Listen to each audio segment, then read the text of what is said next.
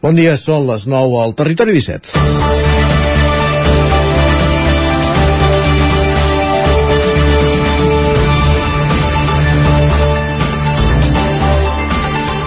Dijous 19 de gener, al matí que l'independentisme es torna a manifestar, les entitats sobiranistes han fet una convocatòria a aquesta hora a les quatre columnes de Puig i Cadafalc sota l'ema Aquí no s'ha acabat res, coincidint amb la cimera dels caps d'estat i de govern francès i espanyol a Barcelona. El president de la Generalitat i l'alcaldessa de Barcelona hi tindran un paper testimonial. Just seran la recepció de Manuel Macron i Pedro Sánchez. En diferents reunions, els dos governs tractaran sobre les interconnexions elèctriques, el pacte d'immigració i asil, la governança econòmica de la Unió Europea, la reforma del mercat elèctric europeu, les interconnexions en ferrocarril o la reobertura de passos fronterers. Mentrestant, a l'exterior, entitats i partits sobiranistes, també Esquerra Republicana, es mobilitzaran per recordar a Sánchez i Macron que hi ha un tema pendent a l'agenda, que és la solució al conflicte català. Mentrestant, l'advocat de l'Estat s'alinea amb la Fiscalia demanant al jutge Llarena que inclogui el nou delicte de desordres públics a l'euroordre sobre Carles Puigdemont, després de la derogació del delicte de sedició. Una reforma legislativa negociada per Esquerra, que sense tenir clar el que buscava, s'està convertint en la catifa vermella per fer compareixer el que per Espanya és la presa grossa davant del Tribunal Suprem. És dijous, 19 de gener de 2023, com dèiem, en el moment de començar el Territori 17 a la sintonia d'Ona Codinenca, la veu de Sant Joan, Ràdio Cardedeu, Ràdio Vic, el 9 FM i també ens podeu veure, ja ho sabeu, a través del 9 TV, Twitch i YouTube. Territori 17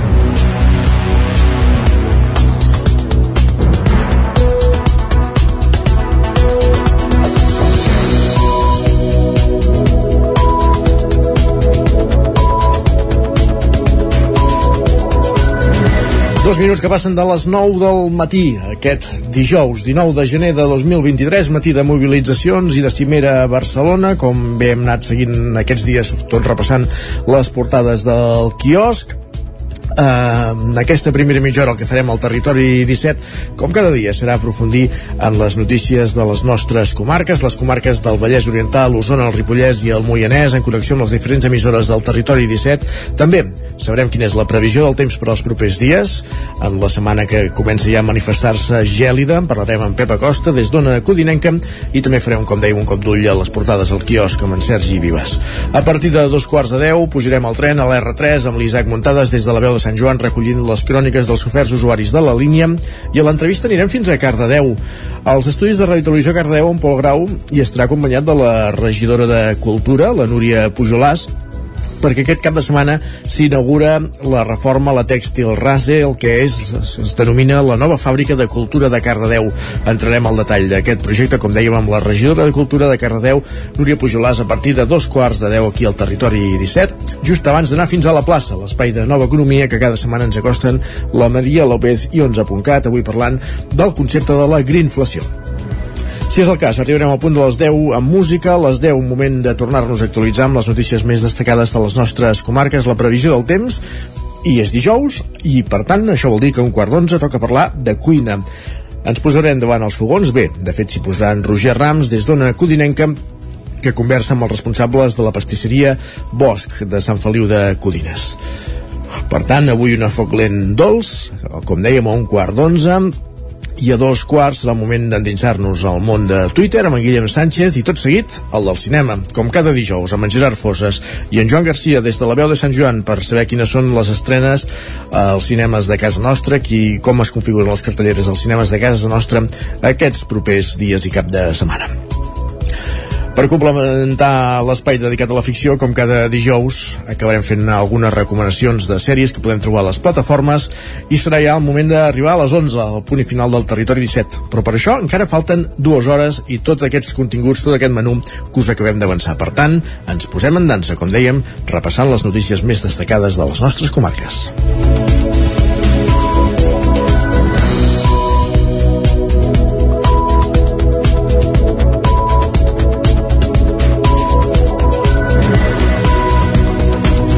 El Ripollès aconsegueix 7 milions d'euros de fons europeus des del 2016 per la promoció turística.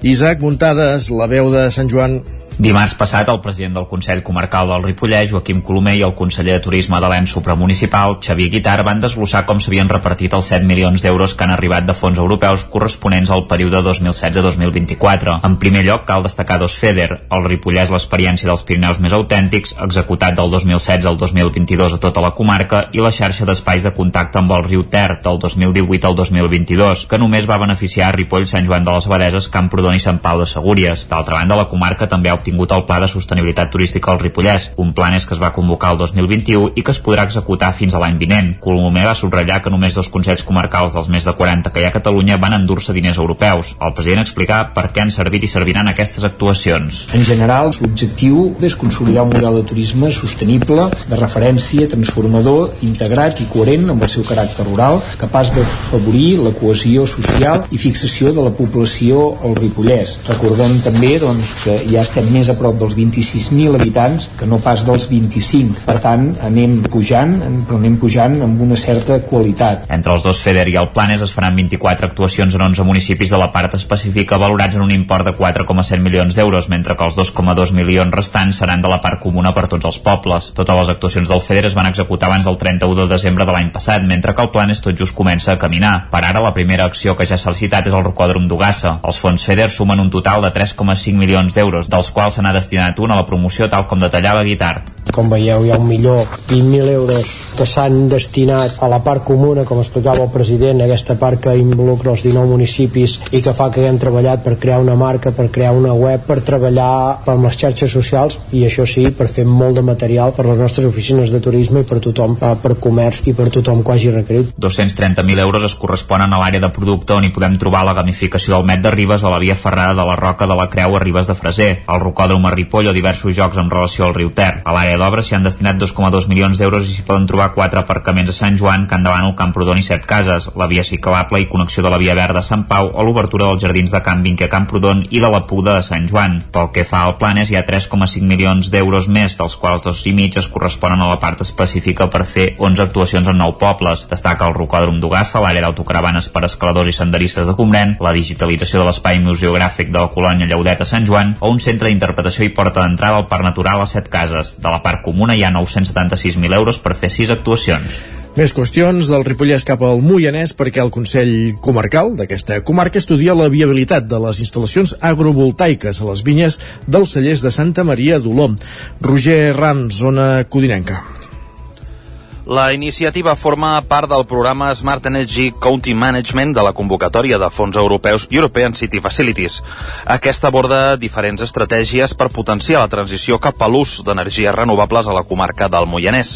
Sonsoles Letang és consellera comarcal mediambiental i explica que ara comença la redacció d'aquest projecte.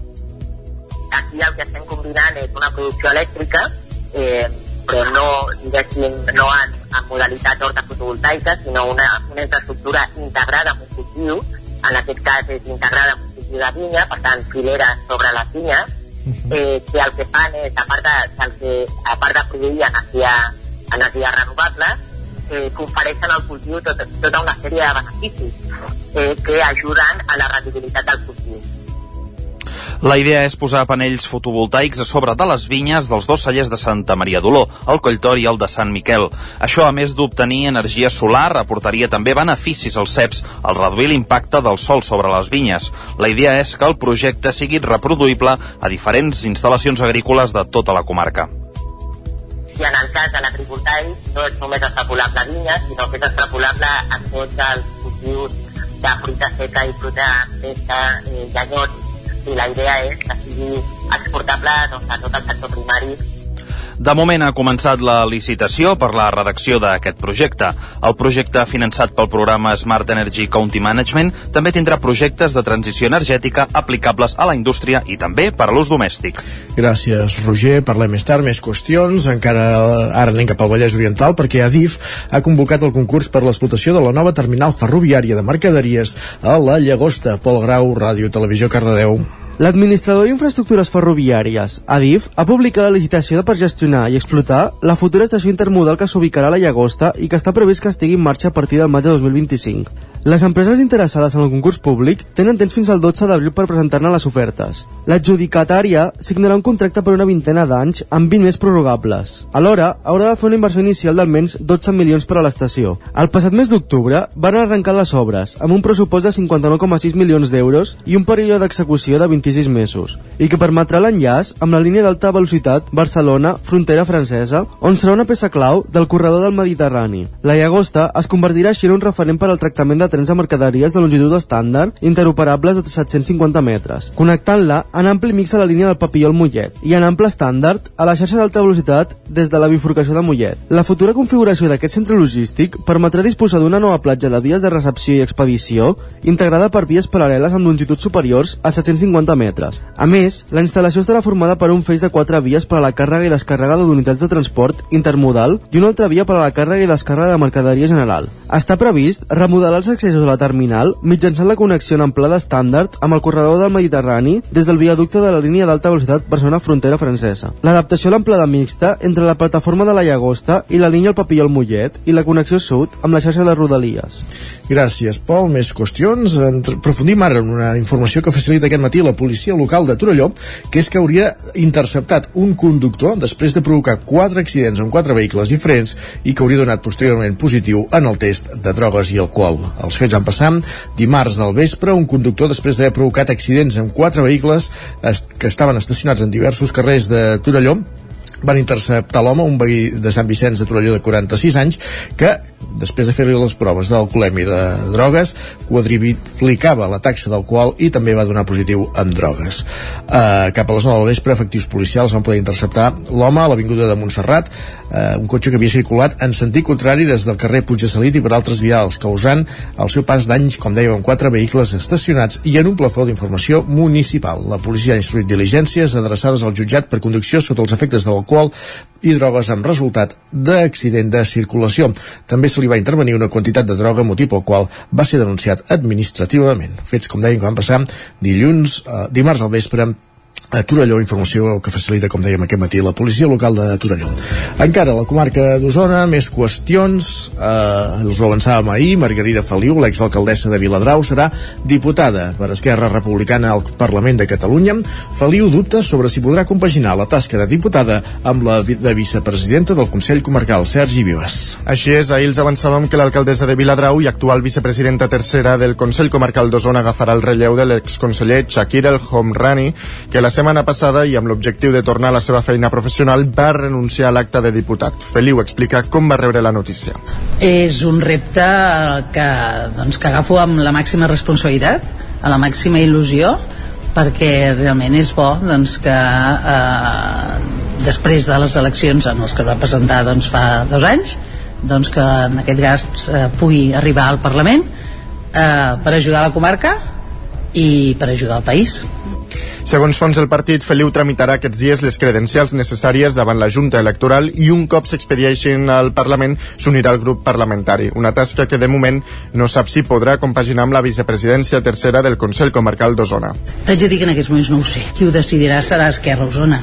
És a dir, Esquerra Osona haurem de decidir tots i totes plegats si en quatre mesos que queda el millor és doncs, fer un relleu o acabar certs projectes depenent del que els companys i companyes decideixin farem.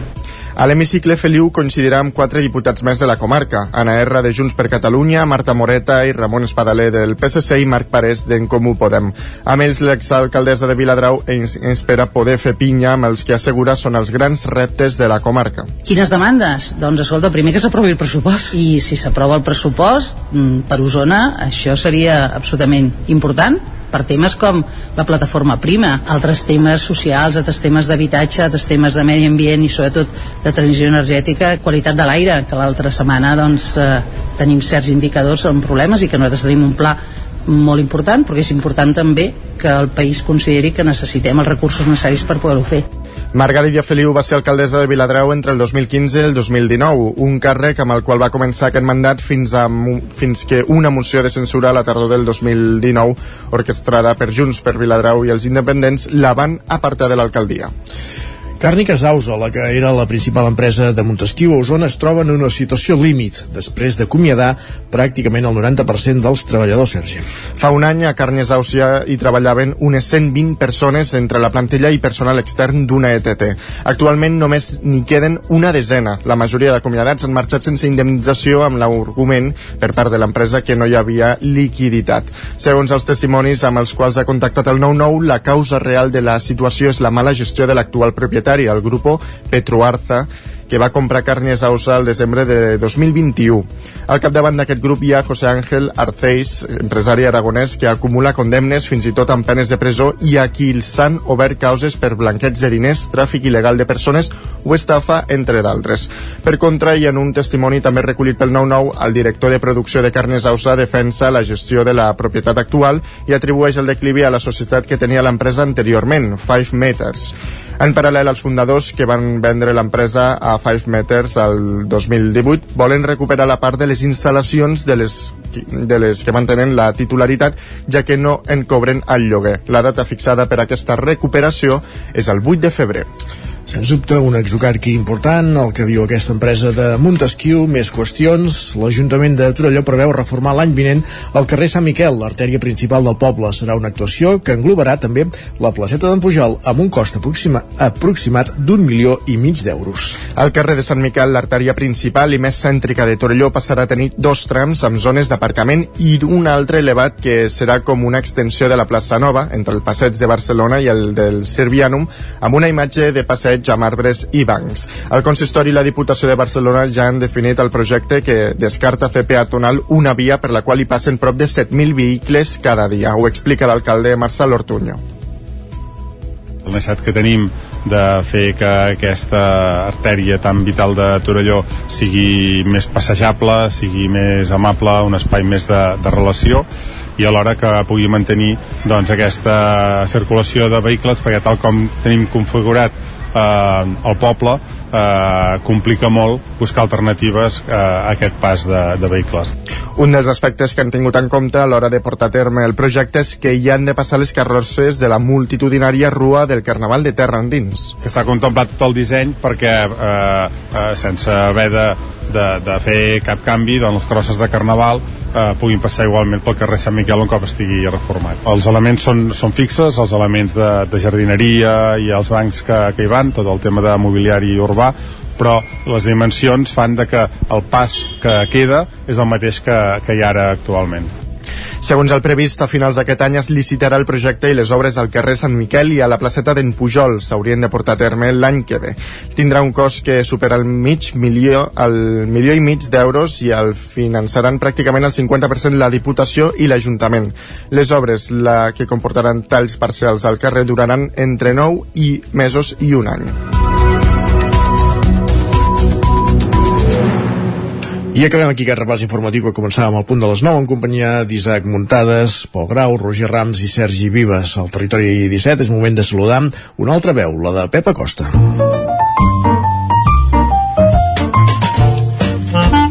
Casa Terradellos us ofereix el temps. I volem saber quina és la previsió del temps en aquest matí de dijous que s'ha llevat gèlid. Pep, Acosta, Ona Codinenca, bon dia.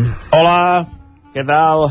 Bon dia ja està aquí la informació meteorològica. L'esperàvem, l'esperàvem. Per fi, per fi, hem entrat en una espiral de fred. Uh, ara sí que és hivern, hivern. Uh, ja era hora.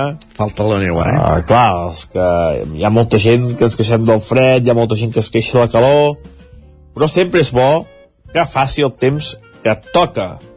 Uh, per tant, uh, ara toca fred, ara toca neu, ara toca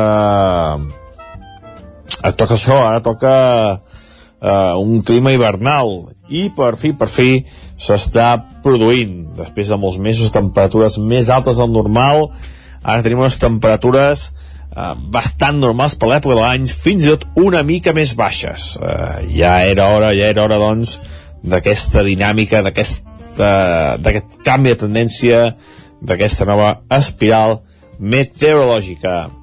Avui les temperatures mínimes són força baixes, han baixat eh, mínimes per sota dels 10 graus sota zero alta muntanya, és a dir, 10 graus sota zero, entre menys 5 i menys 10 a les muntanyes del prelitoral, del Montseny, les Guilleries, també molt de fred aquestes muntanyes, i a les zones poblades també temperatures entre els 0 i els 5 graus sota 0. Temperatures, per tant, molt fredes aquesta hora del matí. Tot això, aquesta sensació de fred agreujat pel vent. Un vent que s'ha tornat a sentir fort aquesta nit i que durant el dia per això tindrà una treva. Després en parlarem, però durant el dia hi haurà una treva del vent i anirà afluixant. I pel que fa a l'estat del cel, força sol aquest matí, un ambient assolellat, però a la tarda ràpidament els núvols augmentaran. I atenció, perquè aquesta tarda vespre nit hi pot haver una sorpresa en forma de neu a partir de 600-700 metres. Hi ha un avís del Servei Meteorològic de Catalunya a les comarques del Ripollès, Osona i també el Mollanès, d'acumulació d'entre 0, 0 i 5 centímetres a partir de 600-700 metres eh, d'altura. Aquesta nevada que serà testimonial, però que pot caure aquesta tarda vespre o nit. On la nevada serà més important a partir del, de mig matí, mitja tarda, serà cap al Pirineu. Al Pirineu sí que es poden acumular nevaiteris en les pròximes més de 10-15 centímetres, una nevada ja una mica més d'identitat que guanyarà cos durant el dia d'avui. Les temperatures màximes molt baixes, eh, no superarem els 7, 8, 9 graus a tot estirar. La majoria entre els 2 i els 6 graus de màxim, eh? per tant ja veieu, ens hem d'abrigar molt durant el dia d'avui. I el vent, el vent, que tindrem una pausa durant el dia, a la nit ha, ha bugat fort, anirà fuixant, però a la nit, tarda nit, es tornarà a intensificar aquest vent.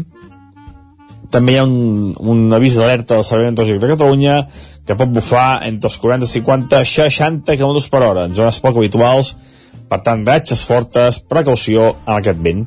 I això és tot, a disfrutar per fi d'aquest ambient fred, d'aquest ambient hivernal, que ojalà duri molts i molts dies.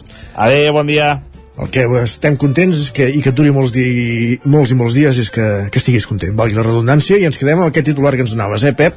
Eh, farinada possible aquesta tarda, eh, comarques com el Moianès, el Osona i el Ripollès, a partir dels 600 metres, amb gruixos, podrien arribar als 5 centímetres, com a molt.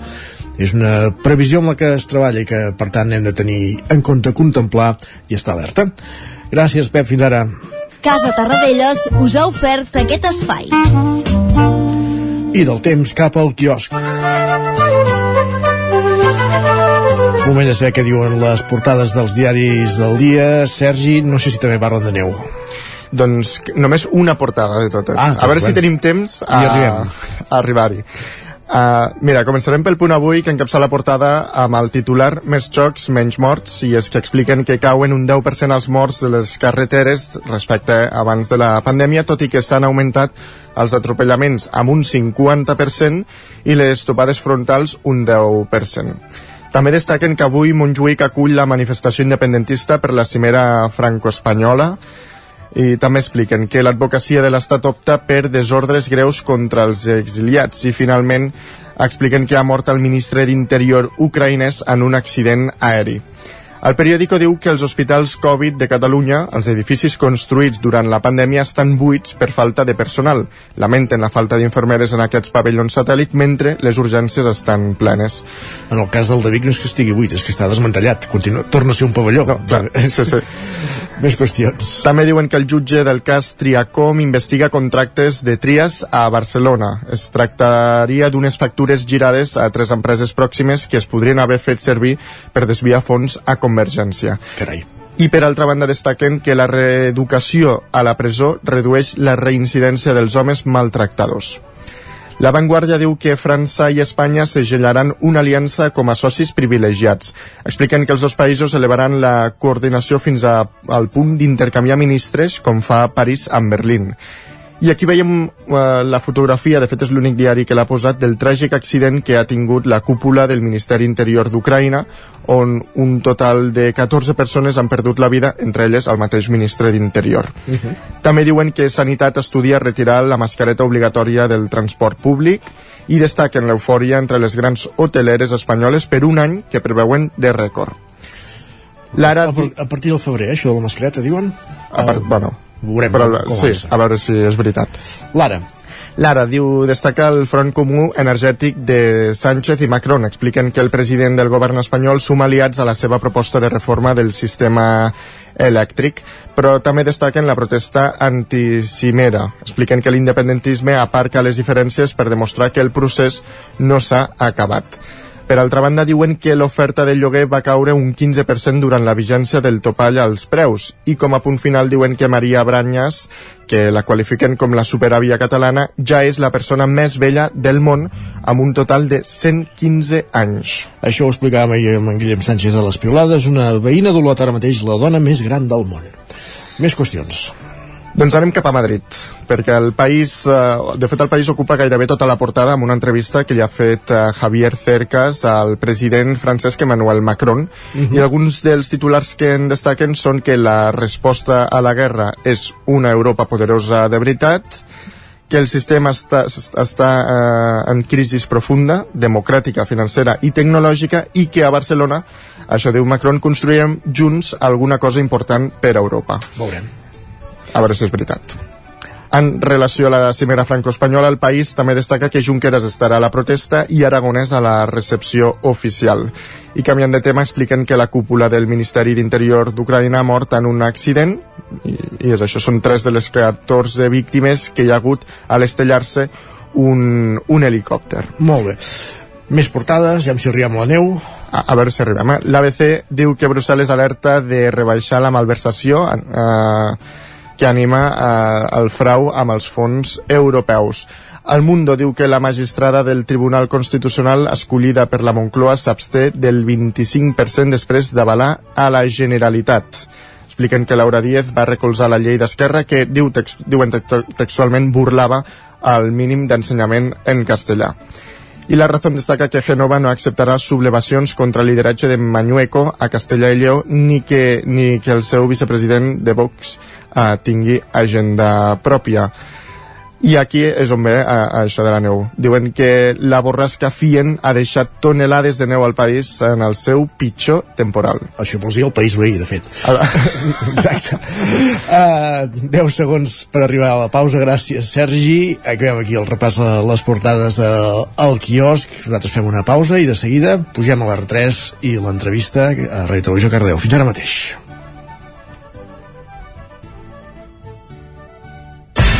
El nou FM, la ràdio de casa, al 92.8. No t'ho creuràs. M'ha trucat el servei tècnic oficial de Saunier Duval perquè han detectat a distància que li falta aigua a la caldera. Era a casa i no me n'havia donat. I què has fet? Res, perquè el meu servei de manteniment Mi Saunier Duval Connect m'ha donat una solució en qüestió de minuts. Informeu-vos a connectivitat.saunierduval.es. Saunier Duval, sempre al seu costat. Has esperat que arribi el fred per comprovar si et funciona bé la caldera? No pateixis, a Casa Jové som especialistes en manteniment, reparació i revisió d'equips d'aigua calenta i calefacció, tant en l'ambient domèstic com industrial. Si tens una avaria, no ho dubtis. Som Casa Jové. Ens trobaràs al carrer Girona, número 9 de Vic, i al telèfon 93 886 1596. Casa Jové, el teu servei tècnic de confiança. Quan tingui un problema amb la seva caldera, vagi directament a la solució. Truqui sempre al servei tècnic oficial de Saunier Duval i despreocupis, perquè som fabricants i coneixem les nostres calderes peça a peça. I ara aconseguiu fins a 300 euros en canviar la caldera. Informeu-vos al 910 77 10 50 o a saunierduval.es. Bon dia, són les 9 al Territori 17. La Miquel Parella Cada, cada matí i durant dues hores t'acompanyem i et posem al dia de l'actualitat de casa nostra. Així l'autonomia En aquest cas me la peça el taler si no... Cursos per feminitzar el pensament masculí. Territori 17, el magazín matinal d'Osona, el Moianès, el Ripollès i el Vallès Oriental. Que la meva àvia de 93 anys... El 9 FM, el 9 TV, el 99.cat i també els nostres canals de Twitch i YouTube. Demà per fer-se un tatuatge. Cada matí, Territori 17. Ole. Anuncia't al 9FM. La màquina de casa. 9 3 8 8 9 4 9 4 9. Publicitat arroba al 9FM.cat. Anuncia't al 9FM. La publicitat més eficaç. Cocodril Club. Si t'agrada la bona música dels anys 60, 70 i 80, escolta el 9 FM als matins de dissabtes i diumenges d'11 a 1. És el temps del Cocodril Club, tot un clàssic de la ràdio, amb les bases del pop-rock, les llegendes, les cançons que s'han convertit en autèntics himnes. Recorda, dissabtes i diumenges al matí, d'11 a 1, al 9 FM 92.8. Cocodril Club, el programa revival de l'Albert Malla. Hasta luego. Bon dia, són les 9 al Territori 17. La Miquel Parella contada. Cada matí i durant dues hores t'acompanyem i et posem al dia de l'actualitat de casa nostra. Potenciant així l'autonomia Per aquest cas me la peça el taler si no... Cursos per feminitzar el pensament masculí. Territori 17, el magazín matinal d'Osona, el Moianès, el Ripollès i el Vallès Que Oriental. la meva àvia de 93 El anys... 9 FM, el 9 TV, el 99.cat i també els nostres canals de Twitch i hora YouTube. demà per fer-se un tatuatge. Cada matí, Territori 17. Ole! Territori 17.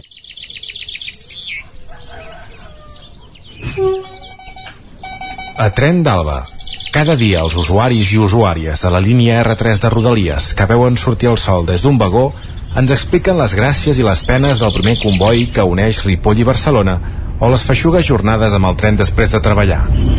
Benvinguts a Tren d'Alba. Doncs bé, ja tenim la notícia de la setmana i és que la Diputació de Barcelona i Renfe estan treballant per posar en marxa trens turístics temàtics per fer de la visita a la província una experiència única. Espero que no sigui un malson amb impuntualitat, incomoditat i mal servei en general com ens té acostumats la companyia ferroviària. Els trens amb capacitat per a un centenar de passatgers està previst que estiguin operatius les temporades de primavera i de tardor, sempre que les condicions tècniques ho permetin i amb el consens del territori, que ja ho veurem. La previsió és posar en servei sis rutes, els trens que sortiran des de l'estació de França de Barcelona els dissabtes dels mesos de maig i juny i de setembre i octubre. Aquests oferiran diverses experiències relacionades amb l'enoturisme, la gastronomia, el modernisme, el termalisme i la cultura marinera. Els trens turístics proposaran paquets exclusius amb l'objectiu d'oferir al visitant una oferta turística que fomenti la mobilitat sostenible, la interconnexió amb tot el territori i el turisme de proximitat. I és que l'experiència del viatge no comença en el mateix destí, sinó en el tren temàtic que acompanyarà el visitant durant la ruta. En principi hi hauria la ruta de Barcelona espornejant amb una visita als vins escumosos de Sant Saturní de Noia, la ruta dels modernistes gourmets a Mataró i Canet de Mar, la fotografia del modernisme a Terrassa, la descoberta del mar de la costa de Barcelona, a Vilanova i la Geltrú i Sitges, un mar d'històries a Badalona i natura i relax a Barcelona, a Granollers. Esperem que funcionin, tot i que seria millor anar-hi amb qualsevol altre transport abans que amb el tren vist el que s'ha vist fins ara. Va, ens retrobem dilluns amb més històries del tren i de la R3. Una mica de confiança, muntades, home de poca fe, va. Territori 17, el 9 FM, la veu de Sant Joan, Ona Codinenca, Ràdio Cardedeu, Territori 17. Dos minuts que passen de dos quarts de deu del matí.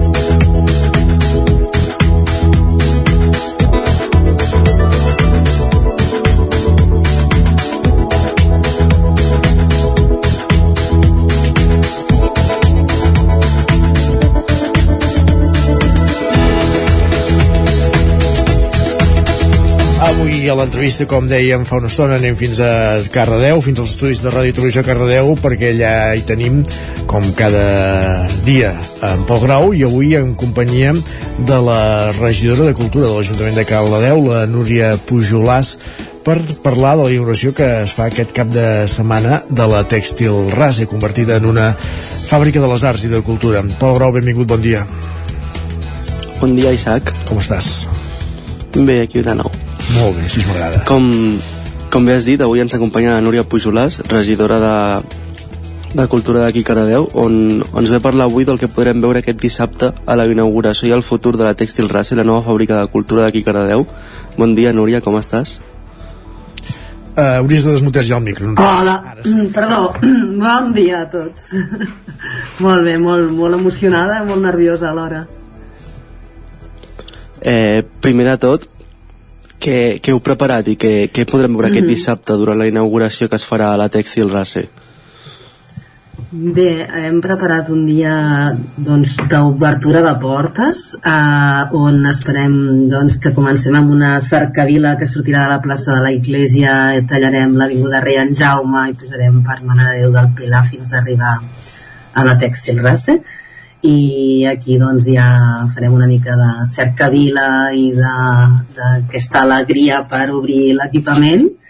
I llavors a quarts de 12 doncs hi haurà la benvinguda més institucional on abans dels parlaments de l'alcalde i de la consellera de Cultura uh, hi haurà un, un audiovisual un petit documental de mitja hora on es veu com era la, te la tèxtil racer abans de començar les obres i, i, i què, què feia abans com a fàbrica tèxtil i què, què ens agradaria que fes a partir d'ara un vídeo també realitzat amb la col·laboració de Ràdio Televisió Cardedeu i per tant molt, serà molt xulo. I a partir d'aquí que cadascú visiti l'equipament ah, sí, una intervenció artística del Quim Moya que pintarà en directe amb, un, molt, amb una, una intervenció de 10 minutets i després visita de l'equipament i piscolabis. Em sembla que no m'he deixat res. Uh, sota aquest concepte de fàbrica de cultura, què, què s'hi amaga, diguéssim? Què, què ha de ser a partir d'ara aquest espai, la Tèxtil Race? La Tèxtil Race pretén doncs, anar treballant amb quatre potes, també ho farem, la veritat és que ho farem progressivament. Uh, una de les potes és la formació d'arts escèniques i és per la qual comencem. Uh, aquesta vol dir doncs, que si fan els tallers tot, tot està amb entitats del territori, tallers de circ amb Sirocus, tallers de teatre i de teatre inclusiu amb art escena, tallers de dansa i moviment amb la Llisbel, amb moviment escènic de Cardedeu i amb l'entitat Stars, i després doncs el country que amb teixit associatiu amb Xafal de Cardedeu. Ells són els que engegaran, engegaran l'equipament tot i que val a dir que l'equipament, l'etiqueta que té com gran és de cultura comunitària i ja l'han engegat prèviament eh, amb la consciència ambiental el repartiment de bujols per al nostre porta a porta un dels municipis més grans de Catalunya que el té implantat des del juliol passat i vam estrenar-lo repartint els cubells i després doncs, l'hem estrenat també amb la recollida solidària de joguines aquest Nadal i ara amb el gran projecte d'objectiu PACI de Televisió Cardeu i les televisions de la xarxa i creiem que tot això és un prebateig de l'equipament abans de la inauguració que ja una mica marca les intencions de l'equipament que és obrir les portes a que hi passi vida, vida cultural, teixit associatiu i m'enrotllo molt però les quatre grans potes seran formació d'arts escèniques, teixit associatiu suport a la creació, que per això és una fàbrica de, de, de cultura i exhibició de petit format. I quin ha de poder fer ús? N'ha de poder fer ús doncs, tot el teixit associatiu de Cardedeu i contem que també tota la ciutadania.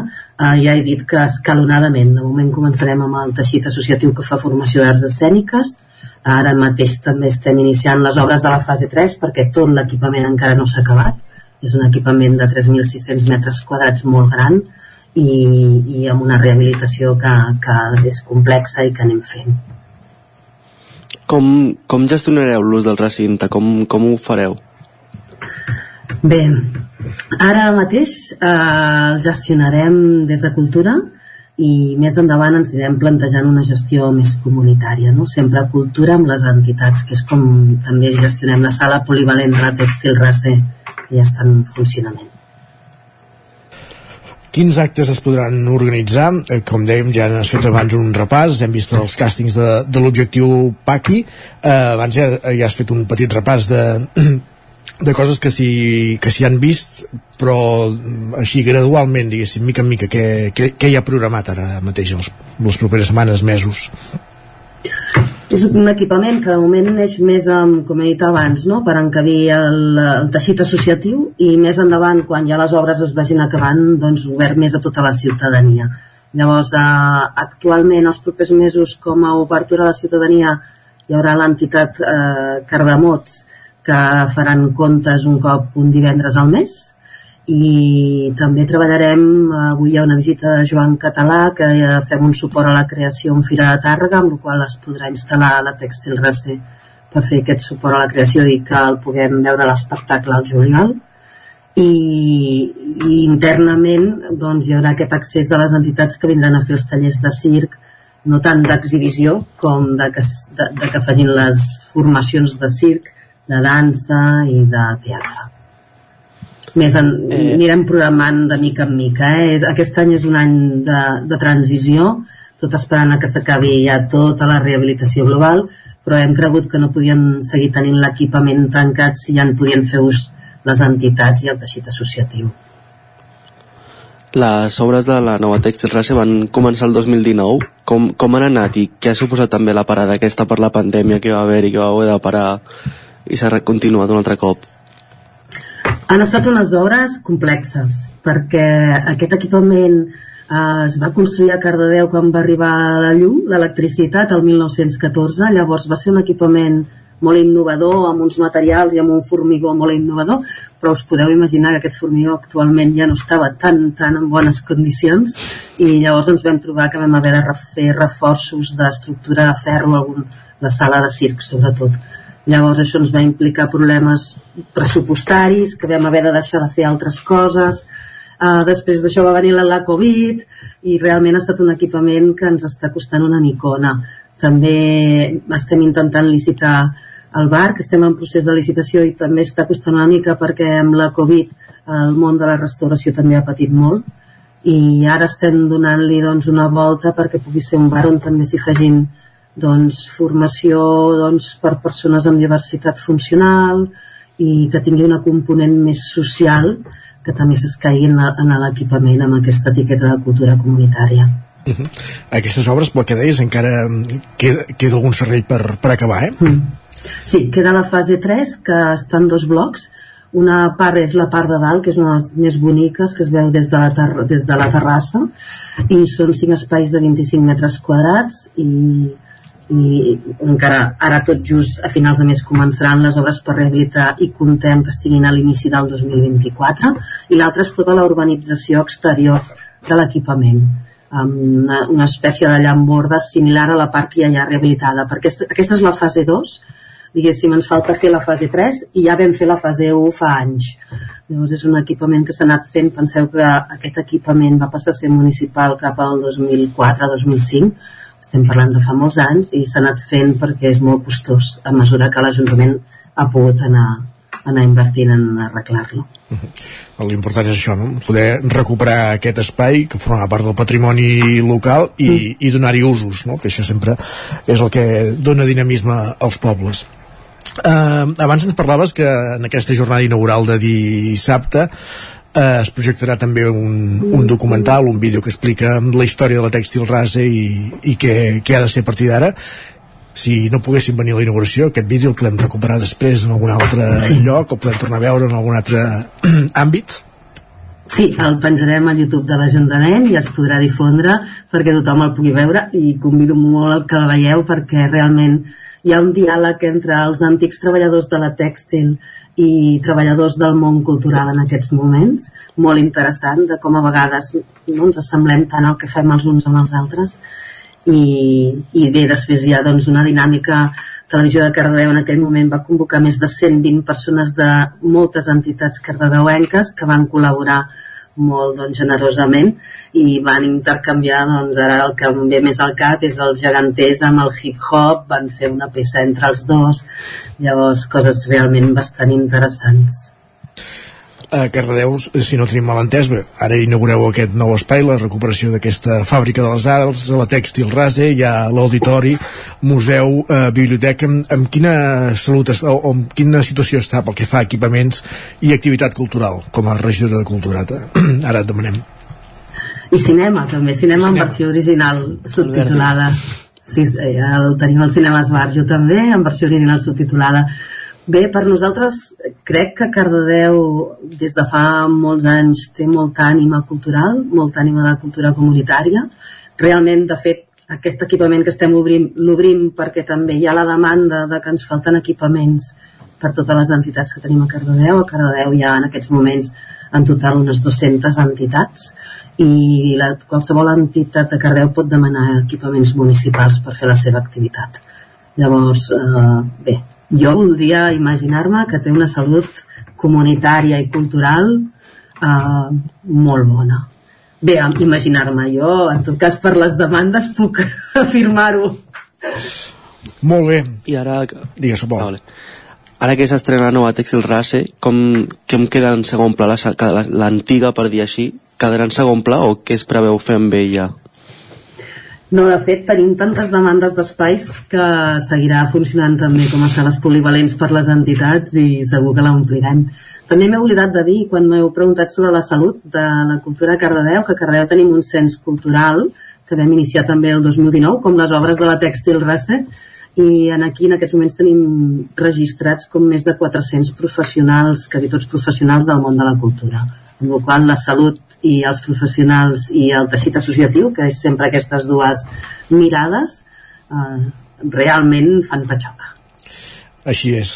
Núria Pujolàs, regidora de Cultura de l'Ajuntament de Cardeu, gràcies per acompanyar-nos avui al Territori 17 i que vagi molt bé aquesta jornada de, de dissabte, aquesta jornada inaugural d'aquesta recuperació de la tèxtil rasa, en aquest cas ara com a fàbrica de, de cultura de Cardedeu.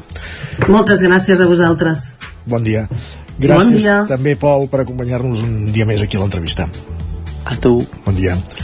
I avancem al territori 17 eh, hem conegut aquesta iniciativa a Cardedeu que s'inaugura aquest dissabte el que fem tot seguit és anar cap a les places, l'espai de nova economia que ens acompanya cada dijous a aquesta hora, parlant des de Radio Televisió Cardedeu també amb la Maria López i 11.cat. Territori 17. Envia'ns les teves notes de veu per WhatsApp al 646 079 023. 646 079 023. WhatsApp Territori 17.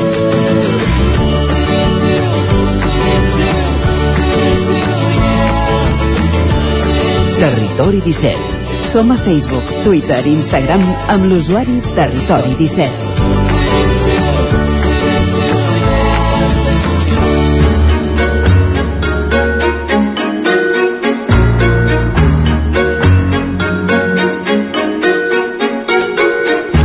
Doncs avui a la plaça parlem del concepte de la grinflació. Què és tot això? Doncs ens ho explica tot seguit la Maria López i la gent d'11.cat, que ja estan a punt. Maria, benvinguda.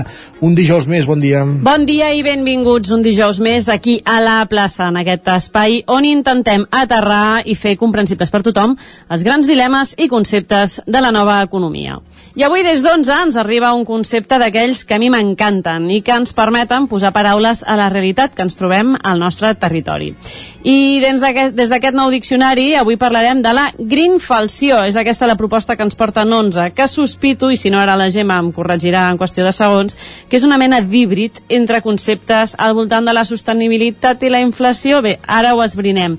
Abans d'atrevir-me massa, però, us presento les nostres convidades d'avui, perquè avui ens acompanya la Marifé Farinyes, d'atenció al client d'11. Bon dia, Marifé. Bon dia, com estàs? Molt bé, molt bé. Aquí amb ganes ja de saber una mica més de vocabulari. I una setmana més ens acompanya la Gemma Vallet, ella és directora d'Onze Biscuit. Bon dia, Gemma. Bon dia, Maria. Que t'agrada tu portar-me paraules rares, eh? A veure, comencem... Comencem resonant. Digues, digues, Gemma, perdona. No, no, que aquesta jo crec que és un que l'hem de tenir molt controlada perquè es parlarà molt d'aquesta paraula d'aquí als propers anys. Doncs més val, més val que anem entrant en matèria. Així que, si us sembla, precisament d'entrada, no? descobrim exactament què vol dir aquest concepte. Què és la grinflació? Uh, Marifé, tot teu. Bueno, realment, per resumir, la grinflació és el preu de ser sostenibles. El, és el que ens costa que utilitzem les energies renovables i ser sostenibles. Això seria el, sí, perquè el resum. La, la definició de, de diccionari, no? Diguéssim, perquè sí. ens entenguem, això aniria lligat una mica a que ara, eh, que estem tots fent aquest esforç una mica extra, no? Aquesta readaptació per ser una mica més sostenibles, això al final ens és més car? O sigui, pod podríem parlar del fet de que ens surti, per exemple, mm, no sé, eh? més car doncs, no anar amb una bossa de plàstic i comprar bosses de tela, per exemple. Tiraria per aquí el tema? Bueno, és més ben el fet d'utilitzar les energies renovables, perquè, i és a causa de que són les matèries primeres que s'estan encarint, perquè les estem usant més, perquè deixem, de la, de, deixem a un lado eh, les, eh, les energies fòssils i utilitzem les energies renovables, doncs les matèries primeres estan encarint-se.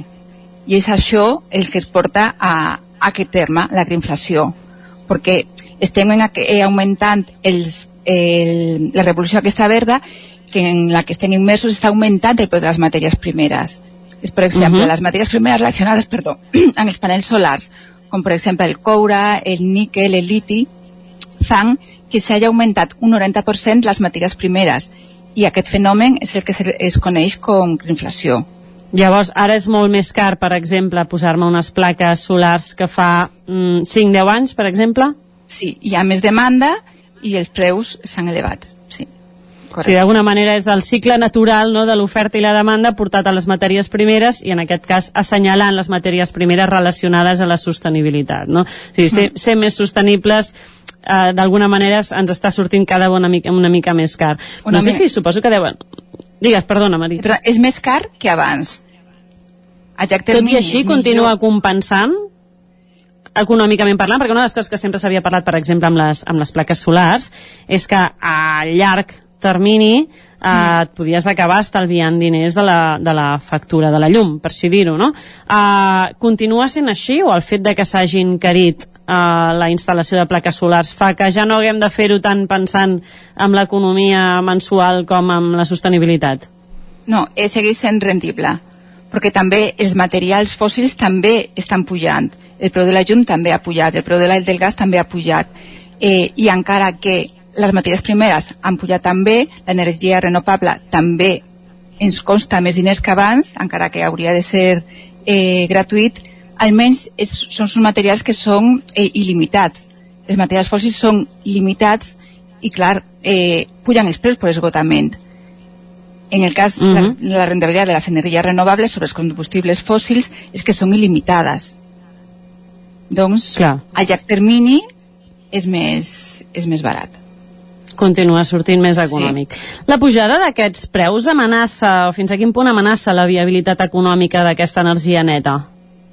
Segons els experts, eh, eh, creuen que, que no és una amenaça per la viabilitat, per la viabilitat econòmica de l'energia neta. Que, en, que encara així surt més, més rendible que, que utilitzar combustibles fòssils. També perquè ha pujat el, el preu del gas, el preu de la llum i, conseqüentment, mm, continua sent més factible eh, utilitzar les energies renovables i no depèn, i en el cas d'Espanya no dependerien d'un altre país com el gas rus o, o un altre per ser autònoms, vull dir. Uh -huh. De totes maneres sí que pot fer, no?, que redueixi una miqueta, doncs això, no?, si ara és molt més car posar plaques solars, que hi hagi... Si abans ja de manera d'alguna manera costava una mica fer aquest canvi de xip, pot ser que això hagi, que, que s'a- s'acabi regulant, no?, que aquesta pujada de preu faci que, que menys gent vulgui instal·lar-s'ho i que es tornin a regular els preus, no? Ens trobem ara, diguéssim, amb un dels extrems de la corba, després de que molta gent ho hagi fet, o, o encara s'encararia sí. més el preu? Sí. Què, què, què apostaries tu que passarà, diguéssim, el, el proper any en aquest sentit? Eh, jo crec que ara mateix que continuarà pujant. Mm. El fet de ser sostenibles, el fet de posar eh, plaques solars, que continuarà pujant una mica. Tot i que jo crec que les nostres despeses inicials seran més grans, hem d'apostar també per l'eficiència energètica i el retorn de la inversió. I, i, i en el temps s'estalviarà molt. Els experts han dit que, les, que en les energies renovables podem estalviar fins a un 70% a casa. Fins a un És en el 70% que ens estalviem. 70%, Sí, sí. Però això ha de passar de molt de llum, temps, per de... clar, perquè acabi és- compensant. Està calculat quant de temps ha de passar, més o menys, perquè quedi compensades posar unes plaques solars a casa? Claro, és que depèn del preu de la llum, ara s'ha elevat molt el preu de la llum i també del preu que t'ha costat a tu posar les plaques solars. Clar, aquest Mm. preu ara, doncs el que Però deia, com- no? Igual d'aquí un any encara serà més car i, i llavors trigaries un temps més encara en, en compensar-ho, no? Mm. També hem de tenir en compte que utilitzant aquestes energies naturals, aquestes energies alternatives, també protegint la terra. És un, és un plus. Un canvi de filosofia, eh? Clar, També és que aquí, sí, sí, sí. aquí encara funcionem d'alguna manera o tirem molt de, de fer valorar si les coses ens, ens compensen o no amb la calculadora, no? I Sí. fer aquesta valoració econòmica. I encara ens costa, no? butxaca, Miren la butxaca, però també a llarg termini serà més rendible per la nostra butxaca i també per, le, per el medi ambient. encara ens falta una mica aquest canvi de, de xip que potser podríem eh, qualificar, no sé com ho veus Gemma, no? a mi em sembla més característic moltes vegades de, de països més del nord d'Europa, no? aquesta filosofia més de pensar en sostenibilitat i no tant en la butxaca. Sí, una que hem d'adoptar aquesta filosofia i també eh, enllaçant el que comentaves tu, que és un tema d'oferta i de demanda, o sigui, se sap que d'aquí als 2030 hi haurà una, una gran batalla al mercat per oferir plaques solars. Llavors, eh, Xina i la Índia estan sent els líders en, en fabricar plaques. Llavors, en el moment que entren aquests dos colossos, que la Índia moltes vegades s'ha com menys prenyat, però deixa de potència, sí? A veure com aquests dos colossos entren al mercat i com al final doncs, uh, també s'entra en una batalla de preus que al final es reverteix en un preu final de cara al consumidor que, que s'abarateix, no? Uh -huh. uh, D'altra banda, ara feia un moment la Marifé també apuntava no? aquestes alternatives que, que podem tenir a l'hora en el, pel que fa als combustibles. Quines alternatives tindríem al gas i a l'electricitat? Sí, perquè nosaltres, sobretot, com avui hem parlat de, de l'energia solar, però també tenim les emeneies o les estufes, que aquestes eh, utilitzen bioetanol eh, i no consum elèctric. Eh, tenim la geotèrmia, les, cal les calderes per bombes de calor, l'energia solar, aquí en Espanya també, l'energia eòlica i la biomassa. Cadascuna es pot utilitzar per una cosa, però totes elles poden ser utilitzades per escalfar la casa o a l'hivern... Quina obsessió tenim, tenim al nostre país amb l'electricitat, amb l'alta que és la factura de la llum, i sí. lo fàcil que és, eh? O sigui, però realment és un, és un canvi de cultura o és, o és que realment és el més pràctic i el més fàcil? Jo crec que aquí que és, un, que és una cultura que va entrar i també perquè durant molt de temps el mercat espanyol, com tu saps, ha estat controlat per un monopoli elèctric a posterior per un oligopoli perquè a hores d'ara estem també observant que hi, ha, que hi haurà cinc guanyadors en aquest mercat que entra de solars per tant el que hem de fer com a, com a clients finals o, consumidors d'aquest tipus d'energia de, el que hem de ser una miqueta menys eh, comodons i buscar informació sí? i programes com aquests doncs, ajuden a facilitar la informació a la gent perquè s'espavili i agafin alternatives perquè la eòlica, per exemple eh, està molt bé també eh? i al nord d'Espanya doncs, és una de les primeres potències Sí, jo crec que hem de fer com un canvi de xip i saber almenys que hi ha alternatives al mercat. Un canvi de xip que hem de fer tots per saber almenys que hi ha alternatives, que no només és l'electricitat i el gas, que també és el, el que tenim sempre, el que tenim la costum des de, des de petits, però obrir la mente i saber que almenys hi ha alternatives que són més econòmiques i més netes en el medi ambient.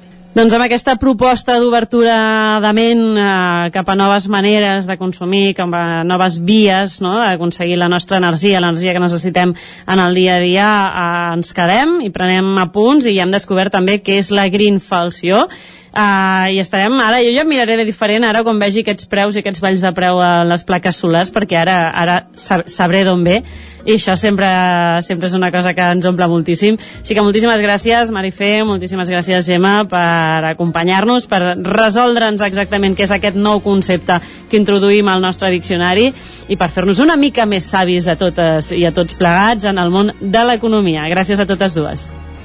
Gràcies, Moltes gràcies.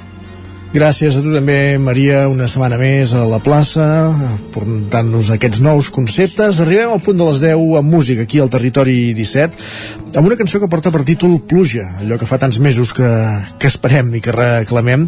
És una cançó d'Àlex Pérez. Àlex Pérez, després de ha presentat el seu primer disc autoproduït i tres singles, va aparcar temporalment la seva carrera com a cantautor, la seva faceta com a cantautor, per dedicar-se a la composició i producció per a altres artistes, com per exemple Miqui Núñez, Lil Dami, Maria José Llergo, Samantha o Charlie OSG, i ara torna per presentar el seu primer treball discogràfic en forma d'EP, i aquesta és una de les cançons que en formen part. Pluja, avui al Territori 17, Àlex Pérez, fins a les 10.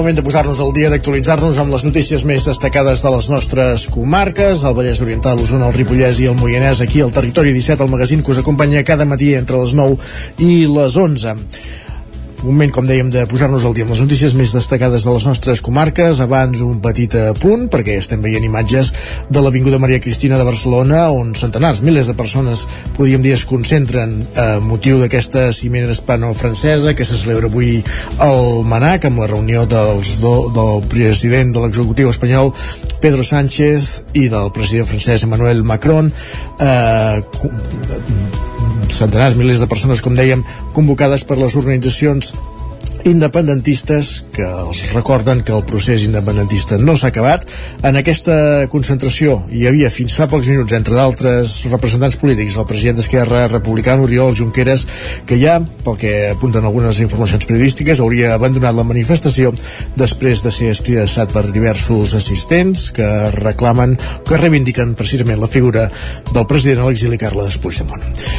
Última hora, com dèiem, des d'aquesta manifestació de Barcelona, les banderes independentistes que ocupen l'Avinguda Maria Cristina de Barcelona, la zona de, de Montjuïc, plaça Espanya, i nosaltres que avancem amb el relat informatiu del territori 17.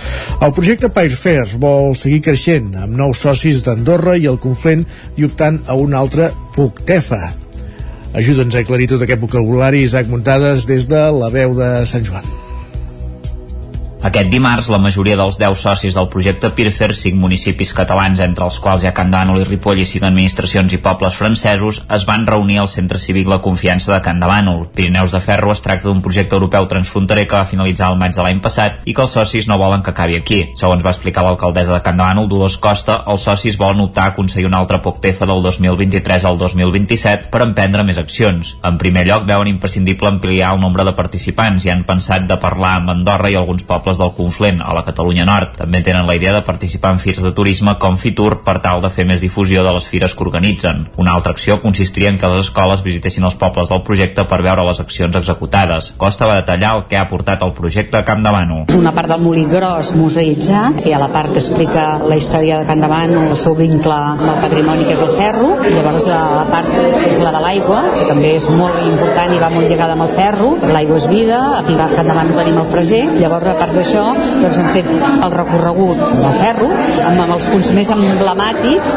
de Can Davano, que han estat protagonistes en algun moment de la història, com pot ser, per exemple, el carrer Clavataires, on els primers clavataires van començar a treballar el ferro de forma artesanal, com pot ser Calaiola, com pot ser la Casa de l'Amo a Conforça, i, i s'ha establert aquesta ruta amb els punts més importants eh, que parlen de, de la història del ferro. Jaume Casals, tècnic de la comunitat de comunes de l'Alba Llespidarles, apuntava que cal seguir treballant conjuntament. És el lligam que podem teixir entre les dues Catalunya, intentar esborrar una mica d'aquesta manera la frontera. El projecte del ferro també, Canigó és, és, una, és emblemàtic per als catalans i al peu del Canigó hi ha molt de ferro, ferro de qualitat, que és el que s'ha anat reivindicant. El pròxim 5 de febrer, Can de Bànol organitzarà un autocar per anar a veure la festa de l'os a Arles. Aureli Coma, tècnica de l'Ajuntament d'Arles, explicava què representa la festa i en què consisteix. Representa normalment la fi de l'hivern i el principi de la primavera i doncs eh, anem a buscar l'os, l'os baixa al poble i eh, aquí comença una caça i eh, fins al final afaitem l'os sobre la plaça del poble. La festa de l'os, que l'encarna una persona disfressada, és patrimoni mundial per la UNESCO. S'inaugura l'ampliació del pont sobre el riu Tenes, entre Vigues i Riells del Fai i Santa Eulàlia de Ronçana. Roger Ram, zona codinenca. Sí, la Diputació de Barcelona ha completat les obres d'eixamplament del pont sobre el riu Tenes a la carretera BB-1435, la que enllaça Santa Eulàlia de Ronçana i Vigues i Riells del Fai.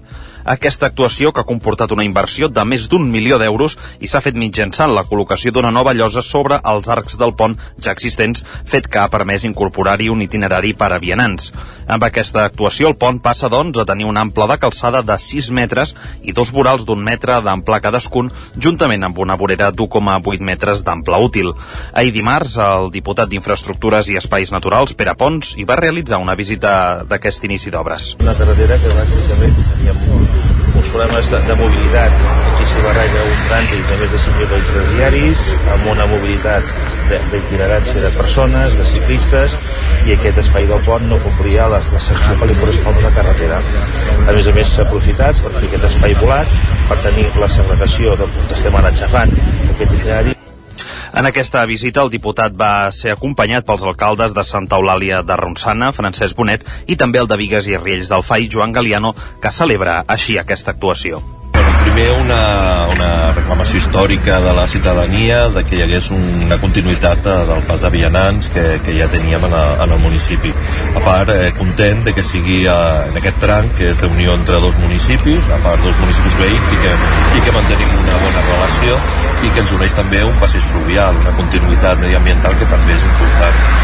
Contents de l'actuació, contents del resultat final Eh, L'actuació ha comportat l'execució d'unes obres singulars per l'entorn on es troben situades, amb la col·locació sobre les pilastres d'uns micropilotatges de la nova llosa de formigó amb voladís, amb un total de 195 metres de llarg, el que ha permès posar la carretera ara en servei en millors condicions.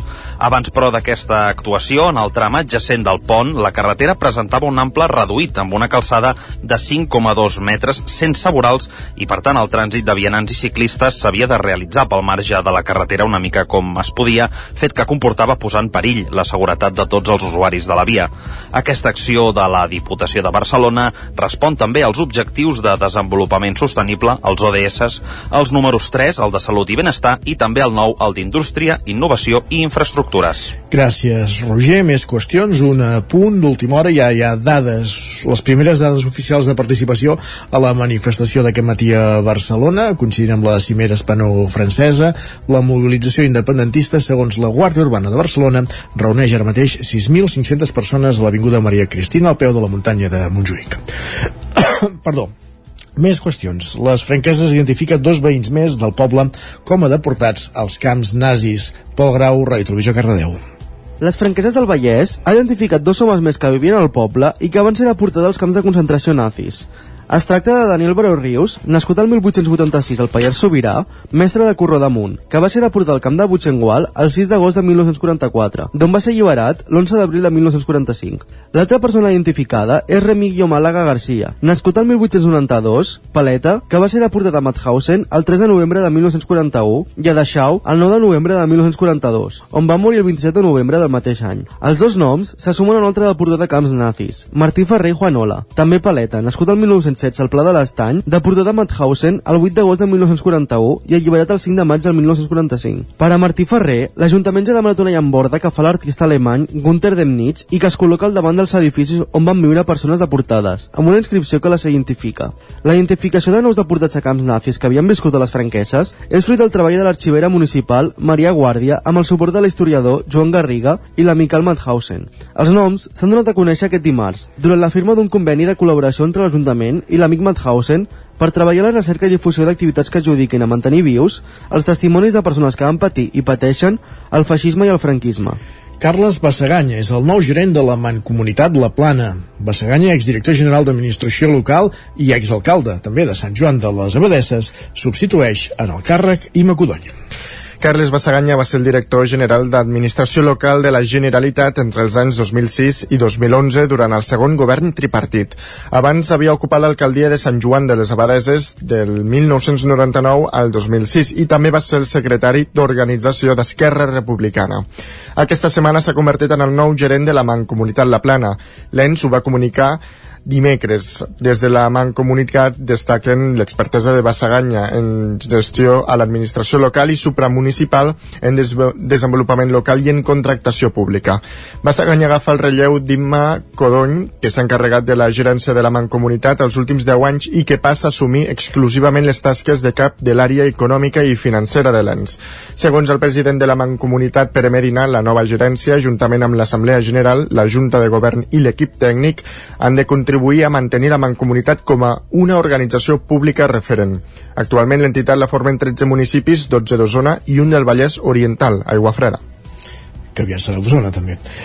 L'actual alcalde de Malla, precisament Eudal Sant Martí, no es tornarà a presentar a les eleccions, Sergi. Tot i dir-ho amb temps, Sant Martí assegura que el relleu encara no està decidit, ja que costa trobar persones que, com ell, vulguin encapçalar la llista d'Units per Malla. Abans de plegar, però, explica que continuarà treballant per fer realitat projectes de pes al poble, com ara el de l'escola, un equipament que hauria de poder veure llum al proper mandat. Estem treballant per l'escola Bressol, perquè vam pensar que l'escola Bressol era el primer esgraó per esdevenir escola i vam parlar amb la directora de les comarques centrals i va dir, home, si voleu podeu obrir escola. Dic, com podem obrir escola? Diu, diu sí, diu, amb sis alumnes ja es pot obrir. Eh, serien més de sis. Eh, ara tenim dificultats eh, per trobar espai. Ramada de professió Sant Martí va arribar a l'alcaldia al maig del 2015. Després de 8 anys, el proper mes de maig se n'acomiadarà un petit apunt esportiu per acabar perquè Gerard Ferrés i Marc Solà, dos dels cinc pilots usnecs participants al Dakar, ja han tornat a casa. Aquest dimarts es retrobaven a Manlleu per fer balanç d'una edició que no ha estat gens fàcil per cap d'ells. Gerard Ferrés i Marc Solà des del 31 de desembre han participat a la 45a edició del Dakar. Són dos dels cinc pilots residents a Osona que hi han participat i que aquest diumenge a Damam creuaven la llista de meta després de creuar l'Aràbia Saudita de mar a mar. Una edició que no ha estat fàcil per cap d'ells tot han estat avaries o tots han patit avaries o accidents que els han suposat haver de renunciar als seus objectius. El que va acabar en millor posició va ser el pilot Dolors, resident a Manlleu, Gerard Farrés, que juntament amb el seu copilot Diego Ortega va acabar cinquè de la categoria T4 a gairebé dues hores del vencedor. Pendent encara d'assumir, d'assimilar l'edició, Farrés va perdre totes les opcions de victòria dijous de la setmana passada per un problema al ventilador. Clar, fins en aquest dia, no?, que eren ja 11 dies, eh, estàvem amb opcions de guanyar la victòria. De fet, el dia que vam tenir el problema estàvem primers ja. Eh, però és això que dic, jo crec que també si fem un anàlisi molt profund hem millorat molt, tant jo com el Diego s'ha corregut molt més que l'any passat en el Dakar que jo crec com tota la vida tot està millorant molt, els cotxes no es xafen tant nosaltres també ens anem professionalitzant cada vegada més i el nivell és altíssim jo crec que hem fet també un, un estem més cap a, cap a, doncs, a, a poder millorar no, en algun altre any no?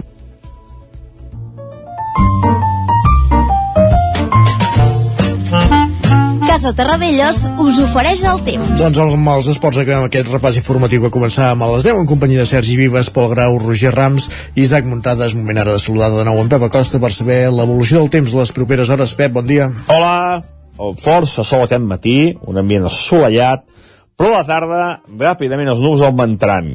I atenció, perquè aquesta tarda vespre nit hi pot haver una sorpresa en forma de neu a partir de 600-700 metres hi ha un avís del Servei Meteorològic de Catalunya a les comarques del Ripollès, Osona i també el Mollanès, d'acumulació d'entre 0, 0 i 5 centímetres a partir de 600-700 metres eh, d'altura. Aquesta nevada que serà testimonial però que pot caure aquesta tarda vespre o nit. On la nevada serà més important a partir del, de mig matí, mitja tarda, serà cap al Pirineu. Al Pirineu sí que es poden acumular zona de bacteris en les pròximes més de 10-15 centímetres, una vegada ja una mica més d'identitat que guanyarà cos durant el dia d'avui. Les temperatures màximes molt baixes, eh, no superarem els 7, 8, 9 graus a tot estirar. La majoria entre els 2 i els 6 graus de màxim, eh? per tant ja veieu, ens hem d'abrigar molt durant el dia d'avui. I el vent, el vent, que tindrem una pausa durant el dia, a la nit ha, ha bugat fort, anirà fuixant, però a la nit, tarda nit, es tornarà a intensificar aquest vent. També hi ha un, un avís d'alerta del Servei Meteorològic de Catalunya que pot bufar entre els 40, 50, 60 km per hora, en zones poc habituals, per tant, ratxes fortes, precaució amb aquest vent. I això és tot, a disfrutar per fi d'aquest ambient fred, d'aquest ambient hivernal, que ojalà duri molts i molts dies. Adéu, bon dia. Casa Tarradellas us ha ofert aquest espai. I del temps, cap a la cuina. Anem a la foc lent. Avui a la Foc Lent anem a una codinenca on coincidint amb la setmana de Sant Antoni Abat, en Roger Rams s'ha endinsat a l'obrador de la pastisseria Bosch de Sant Feliu de Codines, un negoci que porta, des de la, que porta en funcionament des de l'any 1870 elaborant dolços. Roger Rams, benvingut de nou, bon dia. Benvinguts una setmana més a la secció a foc lent. Aquesta setmana, coincidint amb eh, la festa de Sant Antoni Abat, ens hem volgut endinsar en el món de la pastisseria i hem anat a veure de primera mà i a conèixer com s'elaboren els tortells de Sant Antoni, una tradició molt típica aquí a Sant Feliu de Codines, de la mà d'en Josep Bosch, de la pastisseria Bosch. Som a l'antiga casa Can Rovira, que és una pastisseria que és des del 1870 sempre s'ha fet la mateixa activitat i nosaltres ho tenim llogat en les persones que es van jubilar i van plegar de la família nosaltres som una altra família i fa 22 anys que som aquí mm -hmm. Avui som aquí per parlar una mica de la tradició de Sant Antoni Abat, ara que, que és aquesta setmana. Uh, volíem començar parlant de, de dolços, perquè estem aquí a una pastisseria, hi ha l'olor i ens transporta dolç. Volia començar-te preguntant quin és el dolç més emblemàtic d'aquesta data. Doncs mira, el típic d'aquesta data és el tortell i el que és el de matí, les coques de forner la coca de forner eh, vull dir, nosaltres la fem una mica diferent de lo que és l'autèntica coca de forner que és una coca més sequeta mm. i això i aquesta nostra doncs és una coca de forner però és molt tova que els avis ho agraeixen molt els passa com res i això. I és el típic de lo que és el de matí. Menjar la coca i això. I eh, llavors ens anem cap al migdia que és el, el típic eh, tortell. El tortell de Sant Antoni. El tortell de Sant Antoni ara s'ha anat com modificant. Primer era eh, un tortell és diguéssim un tortell de massa pa amb la fruita a sobre nosaltres l'hem canviat diguéssim el que és la forma. Li hem donat com una forma de roda de carro que no sigui igual que el de Reis però no deixa de ser el mateix. La pasta és una pasta de brioix amb el massa pa i hi posem la fava i hi posem un borret i amb fruita. Però llavors la, la cosa moderna va canviant i ens va canviant cap a un tortell de nata, un tortell de trufa o un tortell de crema o si volen mig i mig, el que sigui ho, ho combinem d'aquesta manera però és el típic de tenir el tortell a la taula el dia de Sant Antoni mm -hmm. El pas dels anys també ha modificat, com deies, aquesta tradició, no? Uh, al principi era tot massapà? Uh, normalment sempre era de massapà, sí, era de massapà, eh, amb les fruites i això inclús era igual que el de Reis. I ja dic, amb el meu fill, amb l'Oriol vam canviar i li fem com una estrella que representa que és com una roda de carro perquè s'assembli més a lo que és el, el dia de Sant Antoni de lo que és els, els carruatges i aquestes coses Mm. Ens deies que, per exemple, aquest uh, local, uh, des del 1870, que fa la mateixa activitat al Tortell, en aquest cas que estem parlant el de Sant Antoni, també és de tota la vida? Això sí que no ho sé si els primers besavis d'aquí feien el tortell de Sant Antoni. Això sí que no ho sé. Però fa molts anys que es fa. Fa molts anys que es fa el, el que és el tortell de Sant Antoni i més o menys, a grosso modo, eh, quin nombre de tortells eh, veneu normalment per Sant Antoni? Uh, bueno, per Sant Antoni, a veure, ja ens hem de adaptar a lo que és les persones del poble, les famílies que es quedaran a menjar al poble. Se'n fan molts menys que per Reis i estem, no sé, 50, 60, 70 depèn de, de si el dia doncs, va més bé o això. Però esclar, la gent treballa fora no se celebra tant no se celebra. Són les famílies les que les, les típiques d'aquí que volen tenir el tortell. És menys. Perquè es nota molt, no?, si és un dia feiner o si cau en cap de setmana la festa. Molt, vull dir, podem parlar ja de les coses d'anar al doble o, o molt més si és un cap de setmana perquè llavors ja ja l'agafem com si fos un, un dolç diguéssim d'aquell diumenge o d'aquell dissabte. Ja, ja és les postres d'aquell dia clar. Perquè ara que em deies el postre de qualsevol dissabte o diumenge, que podria ser el tortell, encara es fa això dels caps de setmana normals, diguem que no hi ha festa, la tradició de, de demanar un tortell? Sí, encara es fa, i tant.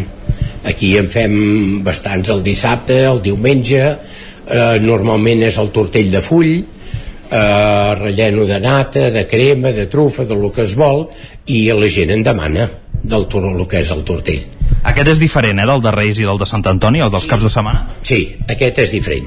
Aquest és un tortell de pasta de full, eh, llavors podem parlar d'un tortell també de massa pa, però ja és diferent de lo que és el de Reis i l'altre i el de Sant Antoni. Eh, llavors hi ha el tortell vienès que també és de full amb cabell d'àngel i crema. Vull dir hi ha diferents versions de fer els tortells.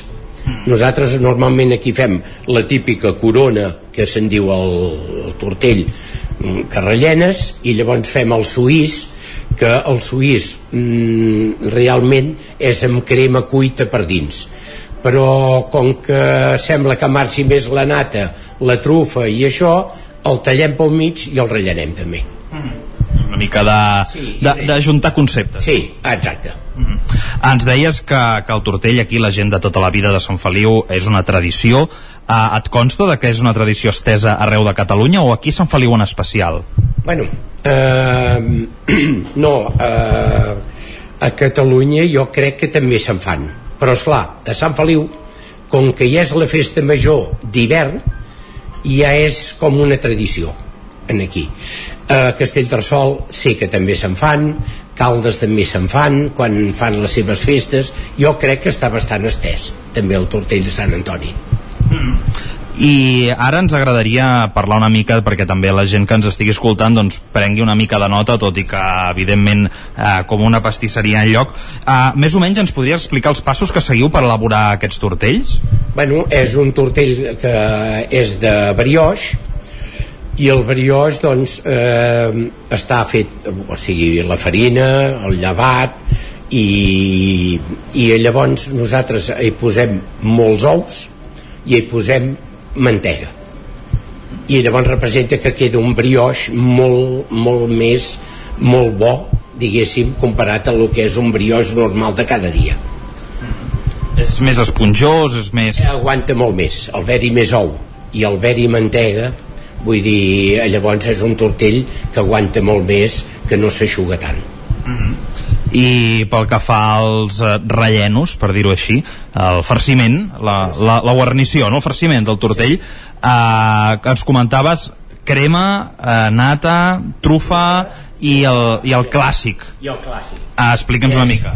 El clàssic és, vull dir, l'ametlla i el sucre, que fem el massapà, eh, llavors el barreges amb clares, una vegada tens el, el que és la, la pols d'ametlla i el, el sucre ja passat per la màquina fet pols llavors si posem les clares eh, queda pastat i té aquesta textura de lo que és quan el poses a dins el tortell mm. I quanta estona es triga des de que fas el primer pas fins que poses el tortell a la caixa? Quanta estona estimes tu que, que, que hi dediqueu? Uh, a veure, com que és un brioix que el fem amb, amb una fermentació diguéssim eh, i posem té el seu propi paro a l'hora de fer el llevat que pugi eh, llavors tornem a tirar-hi els ous la farina i tot el que hi posem i fins que és a sobre el taulell pot tardar uns 3 quarts d'hora ben bons. Mm. llavors s'han de formar. Vull dir li heu, li heu de donar la forma. li han de donar la forma primer són unes boles que fem llavors les estires i poses el massa pa també les de deixar reposar per tornar-li a donar la forma. Vull dir, passa rato abans tu no tens un tortell fet. Eh, poden passar una hora i mitja o dues hores entre pitos i flautes diguéssim. Sí, sí, sí, eh, s'ha de coure. Llavors s'ha de coure. Llavors hem de fermentar. O sigui, no es tracta de, de sobre el taulell una vegada és a sobre el taulell s'ha de posar a la fermentadora que allà ja hi passa unes hores i llavors l'hem de coure. S'ha d'acabar, l'acabem eh, pintat amb, amb gelatina i posem el volado allò que ho adornem diguéssim porta el seu treball.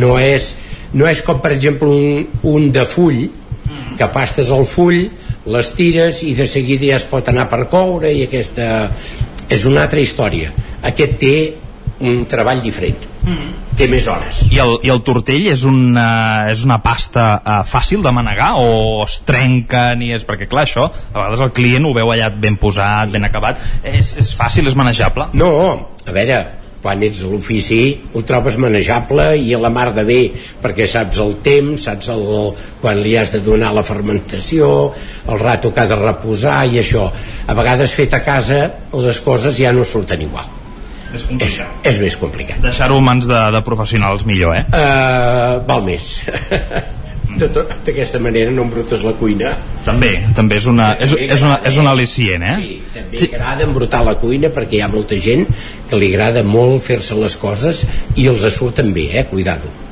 Però la tradició de venir a buscar el tortell no s'ha perdut. No s'ha perdut. De moment no s'ha perdut, gràcies a Déu. I ja per acabar, no sé si ens vols explicar alguna anècdota que recordis d'algun Sant Antoni així especialment potent o que us hagi passat alguna cosa o que hagueu fet curt de tortells o si ens vols rememorar una mica, no?, a tot aquest eh, tema de tortells de, de Sant Antoni. Ostres, ara... mm, Ara sí que no ho sé, no. Una anècdota, no... Bueno, que pugui ser que hagis fet curt de tortells, això pot ser. A vegades en sobren i a vegades en falten, això sí. Eh, Llavors, eh, abans de la pandèmia, perdó, abans de la pandèmia si sobrava algun tortell i això sempre els portava allà amb els avis a la residència ja ha sobrat tres tortellets va, portem-los allà amb els avis que els dividiran i disfrutaran. Ara amb la pandèmia no puc portar-hi les coses que a vegades em sobren saps? i això ara que a vegades em falten i a vegades en sobren em costa molt d'endevinar-ho això. Això sí. És de l'ofici. És de l'ofici. Això és com els croissants, com el matinal del matí, les enciamades, no saps a vegades mai si en fas moltes, si en fas poques, se t'acaba la coca de forner, se, ja passa. Això ja passa. Doncs uh, moltes, moltíssimes gràcies per, per passar avui per aquí, per, per una codinenca i per uh, obrir-nos les portes en aquesta pastisseria tan, tan fabulosa i que espero que, que vagi molt bé el dia de Sant Antoni. Esperem que sí. Moltes gràcies a vosaltres. Gràcies. Gràcies també, Roger. Feu una pausa i tornem 3 minuts. El nou FM, la ràdio de casa, al 92.8. Has esperat que arribi el fred per comprovar si et funciona bé la caldera? No pateixis, a Casa Jové som especialistes en manteniment, reparació i revisió d'equips d'aigua calenta i calefacció, tant en l'ambient domèstic com industrial. Si tens una avaria, no ho dubtis. Som Casa Jové. Ens trobaràs al carrer Girona, número 9 de Vic, i al telèfon 93 886 1596. Casa Jové, el teu servei tècnic de confiança. Bon dia, us truco del servei tècnic oficial de Bailand. Hem detectat que la pressió de la seva caldera està baixant. No me n'havia adonat. Com es pot solucionar? Ho resoldrem en uns minuts. No espereu més. Amb el servei de manteniment ServiPlus Connect de Bailand, preocupeu-vos del que realment importa. Nosaltres ens encarreguem de la vostra caldera. Informeu-vos a connectivitat.bailand.es. Quan tingui un problema amb la seva caldera, vagi directament a la solució. Truqui sempre al servei tècnic oficial de Saunier Duval i despreocupis, perquè som fabricants i coneixem les nostres calderes peça a peça. I ara aconseguiu fins a 300 euros en canviar la caldera. Informeu-vos al 910 77 10 50 o a saunierduval.es. Bon dia, són les 9 al Territori 17. La Miquel Parella. Cada matí i durant dues hores t'acompanyem i et posem al dia de l'actualitat de casa nostra. Així l'autonomia En aquest cas me la peça el teler si no... Cursos per feminitzar el pensament masculí. Territori 17, el magazín matinal d'Osona, el Moianès, el Ripollès i el Vallès Que Oriental. la meva àvia de 93 El anys... 9 FM, el 9 TV, el 99.cat i també els nostres canals de Twitch i YouTube. demà per fer-se un tatuatge. Cada matí, Territori 17. Ole. Anuncia't al 9FM. La màquina de casa. 9 3 8 8 9 4 9 4 9 Publicitat arroba al 9FM.cat. Anuncia't al 9FM. La publicitat més eficaç. Cocodril Club. Si t'agrada la bona música dels anys 60, 70 i 80, escolta el 9 FM als matins de dissabtes i diumenges d'11 a 1. És el temps del Cocodril Club, tot un clàssic de la ràdio, amb les bases del pop-rock, les llegendes, les cançons que s'han convertit en autèntics himnes. Recorda, dissabtes i diumenges al matí, d'11 a 1, al 9 FM 92.8. Cocodril Club, el programa revival de l'Albert Malla. Hasta luego, Bon dia, són les 9 al Territori 17. La Miquel Parella, Cada matí i durant dues hores t'acompanyem i et posem al dia de l'actualitat de casa nostra. Potenciant així l'autonomia En aquest cas me la peça el taler si no... Cursos per feminitzar el pensament masculí. Territori 17, el magazín matinal d'Osona, el Moianès, el Ripollès i el Vallès Que la Oriental. meva àvia de 93 El nou anys... FM, el nou TV, el 99.cat i també els nostres canals de Twitch i hora YouTube. Demà per fer-se un tatuatge. Cada matí, Territori 17. Ole. El nou FM, el nou FM, el nou FM. En punt, dos quarts d'onze al Territori 17.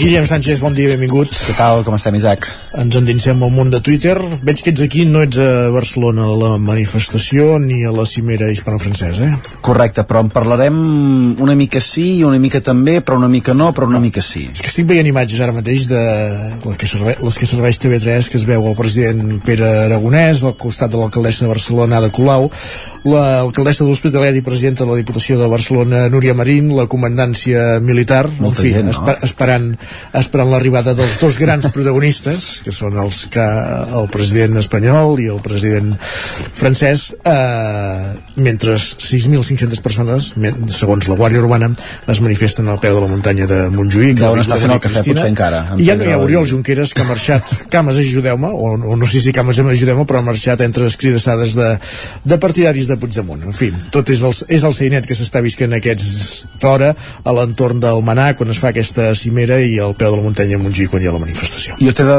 de demanar per això, Isaac, no sé si vas veure ahir la publicació de la nostra amiga la Pilarín Vallès. Ai, no. No? Oh, ai, sí, sí que la vaig veure, sí. Sí, sí, sí. sí Doncs mira, ella mateixa, com tu. ella mateixa encoratjava a anar a la manifestació d'avui a Barcelona i deia que ella no podia anar-hi per motius inexcusables. Ara bé, acompanyava aquest text amb una fotografia on se la veia aguantant una escopeta de joguina i de fet és una imatge que ha deixat, eh, ha, ha- ha donat molt peu a poder fer-ne molts comentaris. Pilarín paramilitar. Per exemple. Va, en Godai ens ha volgut compartir la seva relació amb la Pilarín. Que ens diu? Jo sóc d'un barri que queda molt a prop de casa de la Ninotaire, de Canalla, i anàvem xinoxano. Picàvem la porta de casa seu i quan la Pilarín sortia li demanàvem, si plau un tatuatge. Ho feia tota la mainada. Ella treia un rotulador gruixut i ens feia dibuixos al braç, una calavera, una cara, un gat, el que li demanéssim. Jo he dut un tatu de la Pilarín i això, companys, com a mínim, es pot posar a la meva biografia. Llàstima que siguin tatus que s'esborren, eh? perquè hi ha dibuixos de la Pilarín que valdrien més la pena que molts tatuatges que veiem pel món. I tant. Per exemple, també llegim a l'Ignasi que ens diu la gràcia de la Pilarín Vallès és que actua sense importar-li absolutament gens el que els altres puguin pensar-ne. Això, És una bona manera d'anar per la vida. Això és correcte. La Moli, eh, a més, ens diu que se la volen dur a casa. Diu, biguetans, ja li podeu buscar guardaespatlles a la Pilarín, que un dia d'aquests la reptaré perquè em faci d'àvia. Diu, bé, potser no li farà falta. Home, després de la, de la imatge aquesta amb l'escopeta, eh, potser es pot defensar ella, ella sola, també. I, Recordem que la Pilarín no viu a la biblioteca que porta el seu nom, eh? per tant, si algú la vol anar a, a buscar, si pica allà a la biblioteca, no, no crec que la... Pot anar-hi com a usuària, però d'entrada ella no viu allà. Va, i l'Albert ho té ben clar, ens diu si si s'ha de dir que la Pilarín Vallès marca el camí, es diu, i no passa res. Ara ho dit. Va, i de fet, de, com dèiem, eh, de la manifestació a Barcelona i la trobada entre presidents, eh, no tenia ganes de dir-ne massa, massa res a, a la secció, però només en destacaré el tuit d'en Jaume, que ens, Què diu en ens Jaume? diu fred, socialistes i francesos. Les tres pitjors coses d'Europa juntes a Barcelona. Inviable avui sortir de casa. Home, amb el fred discrepo, eh? Amb el fred discrepes? Sí. Sí, segur? Home, jo sóc més... Jo sempre he presumit de resistir més bé el fred que la calor, també t'ho diré. Doncs mira, per aquesta via volia seguir perquè és inviable I, i, potser... I el concepte socialista jo, jo hi posaria un altre... Jo hi posaria, en fi, és igual. No, no entraré en llibres No de cavalleria perquè val més que... No hi entris, Isaac. Va, doncs com deia jo, inviable per això segurament i per altres motius, com ens recorda aquest usuari per la via del, del fred, que ens diu si a l'Empordà tenim 0 graus, els de la Catalunya Central esteu vius? Ah, sí, sí, sí. Home, sistema dintre els locals, sí, sistema dintre la feina amb una mica de calefacció sempre, sempre Sí. es pot aguantar una mica més. Veni, veníem cap a la feina a 2 sota 0, però és una temperatura que es pot resistir. I. De fet, en, en aquest sentit, la Míriam és molt més pràctica que altres usuaris ens diu fa fred, sí, però serà pel fred ara, diu un bon gec i avall, que de molt Ara. pitjors n'hem passades. Ara, Míriam, Doncs estic amb mira, tu. doncs mira uh, més 1 per la, per la Míriam. I no sé si aquesta que ha passat l'Arnau és de les grosses o no, com comentava ara la Míriam, ens diu el nen que li faig classes de repàs m'acaba d'ensenyar el mínim comú múltiple i el màxim comú divisor. Diu, m'estic morint de vergonya. Màxim comú divisor o denominador?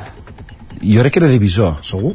Ostres. Ai, ai, ara, ara haurem de, de refrescar la memòria. Ostres, vigila que no hagis de, de, de tallar aquest eh, moment de la, de la secció perquè no quedi enregistrat, no, no, eh? Si no has patanyat tu, he patanyat jo. Per tant, és igual. Va, no sé si recordeu que fa uns dies també parlàvem d'expressions i comentaris que evidenciaven que ens fem grans. Doncs avui un nou exemple d'en Pep Antoni, que ens diu Un dia ets jove i l'endemà estàs apujant el volum de la tele mentre demanes silenci a casa quan comença el temps de TV3.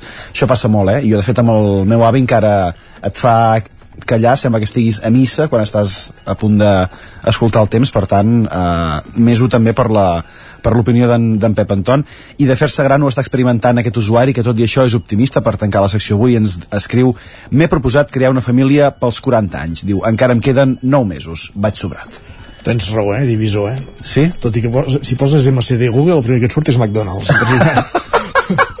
no, no crec que li hagués d'ensenyar de, què significava McDonald's amb aquest nen de... a qui li feia repàs.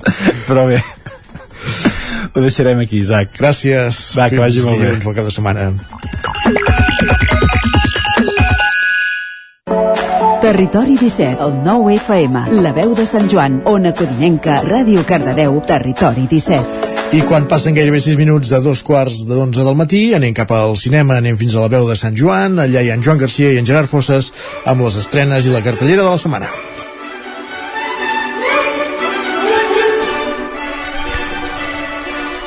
I aquesta és la sintonia amb la que donem sempre la benvinguda amb en Gerard Fosses, el nostre crític cinematogràfic, per parlar de les novetats de la setmana, de les estrenes. Hola, Gerard. Hola, què tal? Ara ho comentàvem, que t'he notat així una, una veu una mica de nas i, i sí. evidentment ha arribat el primer constipat de, de l'any enhorabona, ara no tinc Puntual. preparat cap efecte especial d'aplaudiments però recordo que, que l'any passat eh, si no eres tu era jo anàvem sempre amb, amb tos i amb veus fotudes, eh? Sí, sí, es nota el canvi climàtic perquè jo normalment em constipo al setembre ja. Mm -hmm. o sigui que Ara ja no saps... Ha, ha arribat ara amb, amb la borrasca que porta el meu nom, a més a més. Mm -hmm. Perfecte. Ah, sí? Una, hi ha una borrasca que es diu Gerard? Sí, això sembla. Molt bé, doncs així, evidentment, sí, clar, clar que l'has agafat. Sí, era això del vent que va passar una mica de llarg. Quan... Molt bé, doncs, escolta, què tenim aquesta setmana?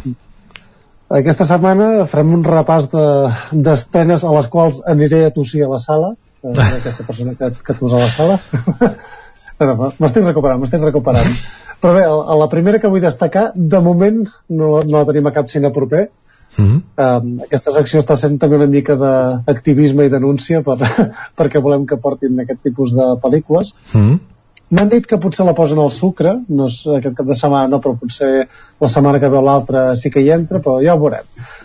Estem parlant de la nova pel·lícula de Park Chang-wook, eh, grandíssim, meravellós director coreà, que feia ja set anys que no estrenava pel·lícula, amb, sí, amb algun curt, amb alguna sèrie, i que després de això, set anys després de la dentella, arriba amb una pel·lícula que es titula Decision to Live. ¿Ha sido ahí? Pues habrá que subir ahí arriba. ¿Qué hacemos subiendo por aquí? Debe de estar muy afectada. No la ha pillado por sorpresa. ¿Se ha reído? Ah, perdóneme. Me lo hice yo sola. ¿Y que se arañara hizo que la entendiera? Finalmente. Finalmente. Han encontrado ADN bajo las uñas de Guidosu. Uh, veiem això, una pel·lícula, un mort, no? I, i, uh -huh. i també aquesta figura típica de, de la persona que en teoria hauria d'estar més trista que no ho està i si això vol dir que, que, que és culpable, que està involucrada o no, encara va més enllà això, no? Sí, és una mica d'aquestes pel·lícules de cinema negre del, del Hollywood clàssic, però en aquest cas traslladat a, a la Corea actual. Uh, el protagonista és, és això, un detectiu que investiga la, la mort d'un home a la muntanya, aparentment d'un accident, i eh, bé, la reacció de la viuda doncs, li fa pensar doncs, que potser ella és sospitosa d'assassinat i això fa que la comenci a investigar. Partir d'aquí doncs, es comença a crear una relació d'atracció que, que bé, desemboca també en un, en un romanç d'aquests apassionats amb una fem fatal i diguem que eh, aquests són els punts de partida eh? Vull dir, no, no és que estigui rebant res estrany que ni tan sols no estigui al trailer mm. i bé, diguem que eh, tot, aquesta, tot aquest artefacte argumental ja vist eh, li serveix doncs, a Park Chan-wook per, per jugar eh, és un, un director d'aquests juganers estil eh, Brian De Palma d'aquests que tenen l'obsessió de que cada pla que vegi sigui interessantíssim, fascinant i divertit. I és això, per ser un director que, que m'encanta. És conegut sobretot per, per Old Boy, però també això té pel·lícules ah. com, com Valencella, Sympathy for Lady Vengeance i, i unes quantes d'altres que, que, bé, que l'han posat a, a l'elit de, dels directors Mm -hmm.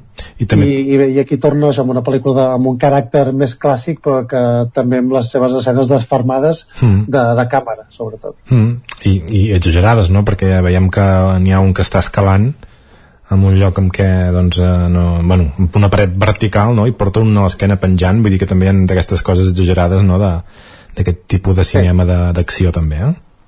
Sí, és una mica eh, també amb un punt de, de comèdia també. I de fet el més interessant quasi ves com amb la naturalitat amb la qual passa de, de rodar una escena d'acció a una escena íntima on el que vol és mostrar les emocions dels actors. Té, té, una, té una versatilitat una versatilitat perdó, absolutament increïble. Mm. i aquesta sens dubte és una de les pel·lícules de, de l'any que ja, ja arriba ara. També va estar nominada als Globus d'Or per exemple. Va guanyar millor direcció a Cannes l'any passat entrarà nominacions de diversos premis segurament també als Oscars. I bé, i ara és l'oportunitat per veure-la també al, al nostre territori si arriba a algun cinema. Mm. Molt bé, doncs ja tenim la primera al sac que pel que diem, doncs de moment no la podrem veure per aquí al nostre territori. Eh, anem a per la segona. Anem a per la segona, que aquesta sí que té un caràcter més comercial i és un altre cop Hollywood parlant sobre Hollywood en aquest cas amb, amb la figura de, Damien Chazelle, director de, de La La Land i que torna a, a parlar això de, del món de, de Los Angeles amb aquest film que es titula Babylon ¿Perdón? Si pudieras ir a cualquier sitio del mundo, ¿dónde irías? Siempre quise ser parte de algo grande. Me encanta esa respuesta. Algo que perdure, que tenga sentido. Algo más Sí. importante que la vida. Sí. Está escrito en las estrellas. Soy una estrella. Si tuviera dinero, me lo gastaría en cosas divertidas, no en cosas aburridas como impuestos. Querría que todo el mundo estuviera siempre de fiesta. La que sentim és la dobladora de la Margot Robbie, també hi ha Brad Pitt i Diego Calva, que no el conec de res, disculpa. Uh -huh. Uh, jo la veritat és que tampoc. Uh, però bueno, ten tenim molts personatges perquè també hi ha Olivia Wilde, Max Minghella Samara Weaving, Eric Roberts. Um, diguem és d'aquestes pel·lícules on, on, on van transitant multitud de personatges. Uh, sí que hi ha dos protagonistes centrals que són aquests uh, Margot Robbie i Brad Pitt.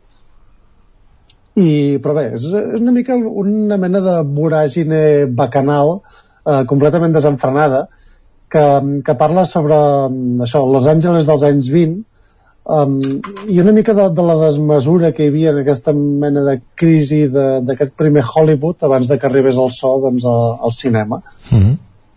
i, i, i a través d'això de, de, de transitar per històries de diferents personatges eh, doncs parla de- d'això de, de, la, de l'ascensió i la caiguda de, de diversos d'ells en una època molt marcada eh, per l'atreviment per, per les festes desenfrenades per la riquesa ràpida per arruïnar-se també igual de ràpid que t'enriqueixes um, òbviament la- l'alcohol, les drogues i em fa aquest retrat en, en, en, clau de, de comèdia, bàsicament.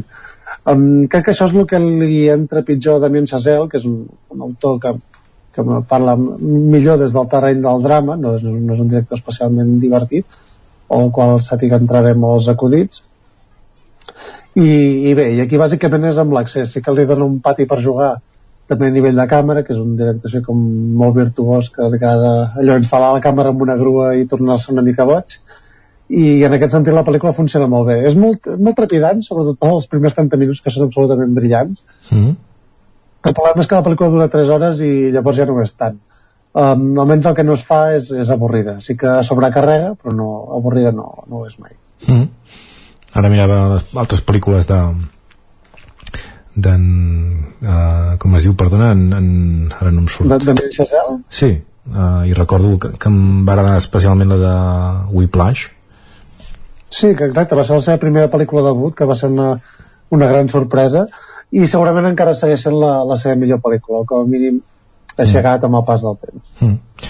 Molt bé, doncs uh, Babylon que podrem veure al cinema Sucre i als Cine, aquesta sí igual que la següent, que també és bona notícia que es pugui veure Exacte, perquè és una pel·lícula catalana dirigida per Santi Trullenca i que es titula El fred que crema.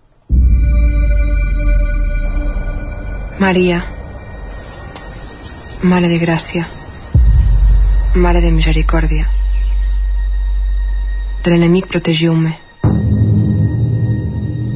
I a l'hora de la mort, rebeu-me. Explica'ns, perquè hem vist una, aquí unes banderes nazis que no ens esperàvem. Sí, aquesta pel·lícula se situa l'any 43, al, als Pirineus.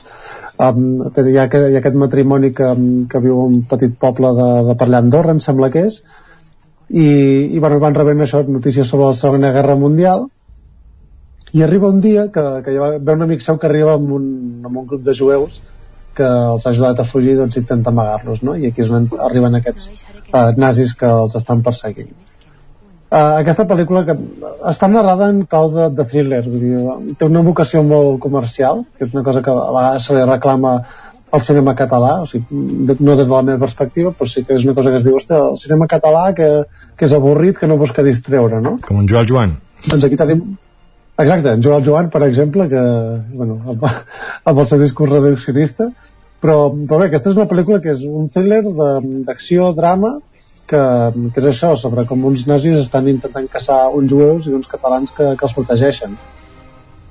A dins d'això, òbviament, doncs, hi ha discursos morals sobre la, la prioritat de, de protegir-se un mateix o protegir els altres, eh, una mica aquesta lluita molt, molt clara i molt polaritzada entre el bé i el mal, en aquest cas personificant els nazis i, i els jueus. I és una pel·lícula que funciona la mar de bé. A més a més això, una producció de molt bona qualitat està nominat també millor pel·lícula als Gaudí tot i que no sembla que tingui moltes opcions. I, i crec que hem de celebrar que, que sigui un, una estrena que arribi a les multisales, que arribi a diversos cinemes arreu de Catalunya i d'Espanya. Mm Uh, per tant res, la, la recomanem també com una de les destacades d'aquesta de, setmana mm. i amb la Greta Fernández que, que és una actriu catalana que, que, que va fent i crec que va triant molt bé els papers no? no, no sé, tinc la sensació que, que com a mínim els, els sap triar o, o va, fa una mica la seva Sí, jo sé que té que pendent de rodar una pel·lícula, l'està rodant amb, amb, la, amb la Paula Ortiz i ara mateix no sé què més ha fet Mm. Ens m'ha sortit 30 monedes també mm. ah, i la hija del, del ladrón també és veritat, la, la filla d'Eduard Fernández sí, sí. Mm -hmm. que és, realment és la filla realment és la filla Sí, sí, sí, sí ara ja he pensat dir que, de, de què em sonava és la, noi. és la filla a la pel·lícula és la filla a la pel·lícula i la filla a la veritat I, i per cert que la història aquesta de catalans que arriben uns uh, jueus i, i els ajuden i això també hi ha la inversa, eh? també hi havia molta gent que vivia a la frontera o gent que ja s'han donat casos que justament feien el contrari. Passaven jueus amb, amb molts diners fugint, ningú sabia on anaven ningú eh, sabia on eren i justament feien el contrari. Vull dir, els eliminaven i es quedaven el que portaven. Uh, mira. eh? molt bé. No, no, sé, no sé si és un tema que tracta la pel·lícula però ja està ah, doncs no ho sé, ho, ho veurem Anem a fer un repàs de la resta de la cartellera. Avui no tenim novetats de, de premis ni de res així. Per tant que anem al cinema Comtal de Ripoll on hi podrem veure Living i Whitney Houston I Wanna Dance. Sí, Whitney, bueno, aquesta Whitney Houston, que és òbviament un, un biòpic sobre la figura de Whitney Houston, i Living, que, que és una pel·lícula que fins fa res no sabia que existia, que és un remake de d'un film de Kurosawa, dels meus preferents de Kurosawa, en aquest cas protagonitzat per Bill Nighy, eh, que és un home això que s'assabenta que està a punt de morir i intenta com fer una bona acció doncs, per, per deixar un llegat també eh, positiu a, a la seva vida. El casal Camprodoní, Simón, la mujer del siglo. Sí, aquesta és un, també un biòpic de, de la Simone Veil, que, que va ser expresidenta també del Parlament Europeu, política francesa, va ser la responsable de, de, de despenalitzar l'avortament a França, i és d'aquestes figures molt rellevants sobretot dintre de, de la lluita feminista però també evidentment dins de la geopolítica per entendre Europa tal com és avui. Um, és aquest tipus de produccions que intenten doncs, uh, resumir i exaltar la vida d'un personatge crec que no funciona massa bé a la pel·lícula però, però bé, és una història com a mínim interessant per conèixer sense deixar el Ripollès, al cinema Catalunya de Ribes es podrà veure a Pavarotti in Hyde Park entenc que és una, una òpera o un concert del 91 Sí, efectivament, és això que aquesta aposta a vegades doncs, per fer òperes, concerts i això, en aquest cas és això, un, un concert de Pavarotti. A la Garriga, al Cine Alhambra, eh, no, és molt petit i no ho ha... veig, però hi ha una sessió Sí, aquí hi ha molta matinal. traca, fan sessió infantil matinal, eh, també fan el fred que crema, uh, fan, mantenen les vestes per vuitena setmana, han desbancat Avatar aquí, mm -hmm. Suro per tercera setmana i el Carràs per novena, que va, va guanyant. O sigui, m'agrada aquest rànquing que fan a, al cinema Alhambra. A les Baix de Cardedeu, 42 segundos del cicle Gaudí i Argentina 1985. Mira, sí, nova oportunitat sobretot per veure el cine Argentina 1985, que està com postulada com a favorita per guanyar l'Oscar a millor pel·lícula parlant anglesa la pel·lícula que tenim a Amazon Prime que ja va passar per cinemes però bé, interessant recuperar-la en sala sempre. A l'Alter Torelló també 42 segundos. Sí, aquesta pel·lícula sobre l'equip de, de waterpolo a les Olimpiades del 92 al Cineclub Vic hi ha sessió de, de Cineclub Chic amb Secret Superstar. Mm. Sí, aquesta pel·lícula va, va estar al Festival Nits i aquesta em sembla serà la tercera o quarta vegada que es programi a Vic eh, per una curiositat, i és que la, la productora de la pel·lícula només volia que aquesta pel·lícula es, es projectés en cinemes, o sigui, no, no l'ha volgut mai a cap plataforma, no la vol a televisió, només la vol en cinemes. Mm. I en aquest cas doncs, van fer un acord per fer-ne diverses projeccions a Vic i aquesta és una bona oportunitat per veure-la dins de, del Cineclub Xic. La, la protagonista és una nena que, que va presentar-se a un concurs de talents, òbviament sense l'aprovació de son pare, i bé, doncs fa tota aquesta, aquesta una sèrie d'artimanyes doncs, per arribar a aconseguir els seus objectius i doncs, doncs tancar les barreres del, del patriarcat en aquest cas. Això serà diumenge en el Cineclub Xic, però el dimarts també hi ha la sessió regular, dimarts 24, amb l'esdeveniment. Sí, aquesta és la penúltima pel·lícula d'aquest cicle que s'acaba aquest mes de gener. Aviat començarà el següent, o sigui que no patiu i, i és aquesta pel·lícula basada en la novel·la d'Annie Arnauts que, que bé, també ha tingut un gran recorregut ha tingut premis literaris i, i és, se situa als anys 60 a França i la protagonista és una noia amb un gran futur que es queda embarassada i aquí és on es planteja doncs, els següents passos de, de la sèrie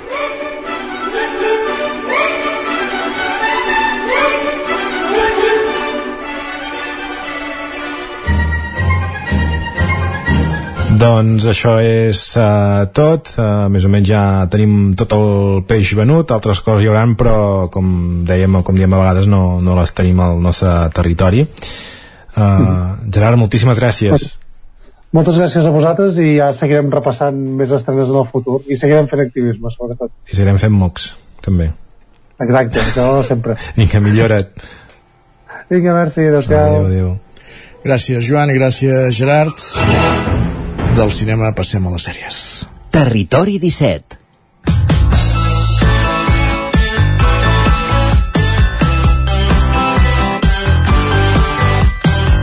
I avui acabem el programa també en companyia de l'Isaac Muntades. Isaac, bon dia de nou. Bon dia de nou. Per fer algunes recomanacions de sèries que podem veure a les plataformes. sí, us faré un, us faré un parell de recomanacions. La primera és Sky Rojo, que la podem veure a Netflix. És una sèrie espanyola. Ja n'havíem parlat perquè és la tercera temporada. Uh, té 8 episodis. En aquest cas són capítols de poc més de 25, alguns de 20 minuts, 30, 40 com a molt, vull dir, són, són capítols realment curt, curtets de veure i, i bàsicament farem una mica de spoiler perquè clar, és tercera temporada i les dues primeres ja fa un temps que, que han sortit. En aquest cas es tracta de tres prostitutes que van fugir doncs d'un prostíbul que estaven allà doncs eh, raptades, per dir d'alguna manera, obligades a, a prostituir-se, i en aquest cas elles han pogut escapar en aquesta tercera temporada, estan a, han fugit de Tenerife, que és on les tenien doncs, retingudes, i estan a la, a la costa d'Almeria, i el que passa és que els proxenetes i totes les persones que, que doncs, les han perseguit durant aquestes dues primeres temporades aconsegueixen trobar-les no? i a partir d'aquí es desencadena una mica doncs, aquest final de, de, de sèrie per veure què passa, no? que evidentment doncs, eh, eh, hi ha protagonistes doncs, eh, que, que tenen eh, el seu final, n'hi ha d'altres que també doncs bueno, està, està, està força bé eh, la sèrie. Potser no és la temporada més rodona. Segurament les dues primeres van ser més rodones. Aquesta potser acaba d'una forma més abrupta però compleix i penso que, que la sèrie de Netflix doncs, està, està prou bé i, i bé, uh, us, la, us, la, us la recomano sí, està ambientada a Canàries, dius, a Tenerife? Sí, està ambientada a Tenerife uh, el que passa que en aquesta tercera temporada també succeeix uh, una part de la temporada a la costa d'Almeria. D'acord però uh, sí, sí, seria, seria això. Tercera temporada de Sky Rojo, dius que són capítols curts i, i pocs Molt capítols curts. per temporada. Molt bé. Sí, sí, són d'aquelles sí, de, que fan de bon mirar en aquest aspecte. Exacte, amb dues hores, dues hores i mitja, la, tres hores com molt la teniu vista. Molt bé. Sí, sí. I quin altre has vist darrerament? Va. Uh, una que has vist tu, que Ah, sí? em sembla que també l'ha- l'has vist tu, sí. La, la Dama de los Muertos, uh, Sí. en aquest cas també està, també està a Netflix. Uh, és una sèrie curiosa, eh? Són, és molt curta, eh? Són sis capitolets, aquestes sí que són entre 40 i 50 minuts és, és una espècie de thriller em, sèrie, em sembla que és una sèrie austríaca si no, si no tinc mal entès i parla d'una dona que es diu Brunilde Blum que és funerària, que té una funerària en una zona d'estació d'esquí de- de- d'Àustria no? I, i el, la sèrie comença amb que maten el seu home, l'atropellen l'atropellen davant Sí. seu El primer, el, i- el primer, la el primera pri- escena ja és d'impacte. Sí, perquè veus, és, és aquesta pràcticament, sí, sí. Però I- veu, i veus el moment de l'atropellament, sí, sí. Exacte, ho veus i és bastant, és bastant xungo, eh, el moment. Eh, el seu home és policia, en aquest cas, i, i bé, a partir d'aquí aquesta dona, la, la Brun, doncs, la Blum, comença a investigar perquè han matat el seu home perquè el conductor es dona la fuga i no l'aconsegueixen trobar, la policia no el, troba tampoc. El per què i el qui, perquè tampoc ho sap. d'entrada. Exacte, el per què i el qui. I a partir d'aquí es destapa doncs, tota una trama bastant interessant eh, que també hi podríem... Eh, parlant de prostitució amb Sky Rojo, doncs... mm, Bueno, Bueno, per aquí, per aquí, hi ha, va la aquí hi ha, que hi ha tràfic de persones. Sí, aquí, sí, hi ha tràfic de persones, sí, i a partir d'aquí doncs ha d'anar investigant. De, la veritat és que, a veure, és previsible com, com pot acabar la sèrie, eh? Per, per, tot i així em sembla que ens- hi ha prevista una segona temporada, perquè està basada doncs en una, en una novel·la, però déu nhi eh? Té moments que no t'ho Pensava que anaves a dir esperes, que eh? estava basada en fets reals. Ja, va, No, no, no, això, ara en, principi, això, Ara això, en principi, això en principi no, esper, esperem que no, vaja, però, però hòstia, l'evolució del, del personatge principal, la Bloom, amb tota la seva... amb- també amb, amb com es comporta amb la seva família, amb el seu company de feina i això, és, és curiosa i, i realment, també com que és ràpida de veure, us, us la recomano i, i de fet, eh, com Sky Rojo encara està entre els, les 10 més vistes de Netflix, eh? I, i, i aquesta segurament porta també ja algunes setmanes Sí, però bé, entre les i- deu més vistes també hi ha els machos alfa, eh? Val a dir-ho. Sí, sí, també hi ha matxos alfa, eh, evidentment, eh? però vull dir que, que bé, que, són, que és una sèrie que potser eh, és allò, eh? dius eh, un parell de setmanes, tres i fora, i bueno, està aguantant de moment, vull Sí, dir sí. que, que bé, bé. No, el que està molt bé també d'aquesta sèrie és tots els, el treball dels personatges, perquè cada personatge Sí. té la seva història i és, bueno, que està, està molt ben treballada, està molt, molt bé en aquest aspecte. I sí. és això, és una sèrie que es pot veure amb certa rapidesa i, i que amaga, amaga sorpreses, no, no direm Sí. més, no? Exacte. La gent que té poc temps realment va bé veure aquestes sèries perquè són minissèries curtes i, i ja et dic, eh, per això al principi està previst que hi hagi una segona temporada. També és recomanable per aquells que ens adormim al sofà, perquè que gairebé no tens temps de dormir-te, però vaja. Exacte. Està Exacte. Doncs Sky Rojo i La Dama de los Muertos, dues sèries que podem trobar a Netflix, dues sèries que recomanem des d'aquí del territori 17. Isaac, eh, ens retrobem demà. Fins demà. Que vagi molt bé. Adéu-siau, vagi bé. Thank you. Amb el cinema, amb les sèries, acaba el territori 17 d'aquest matí de dijous, 19 de gener de 2023, marcat també per la cimera hispano-francesa a Barcelona. Hem vist també que ja havia arribat el president de l'executiu espanyol, Pedro Sánchez, mentre hi ha aquesta manifestació independentista, amb més de 6.500 persones, segons la Guàrdia Urbana. N'hem anat parlant aquí al Territori 17, un programa que ha començat a les 9 del matí, en el qual us hem acompanyat Pol Grau, Pepa Costa, Maria López, Roger Rams, Guillem Sánchez, Gerard Fossa, Joan Garcia, Isaac Muntades, Sergi Vives i Isaac Moreno. I tornem demà a partir de les 9 fins aleshores. Molt bon dijous i gràcies per ser-hi. Adéu-siau. Territori 17, un magazín del nou FM. La veu de Sant Joan, Ona Codinenca i Ràdio Cardedeu amb el suport de la xarxa.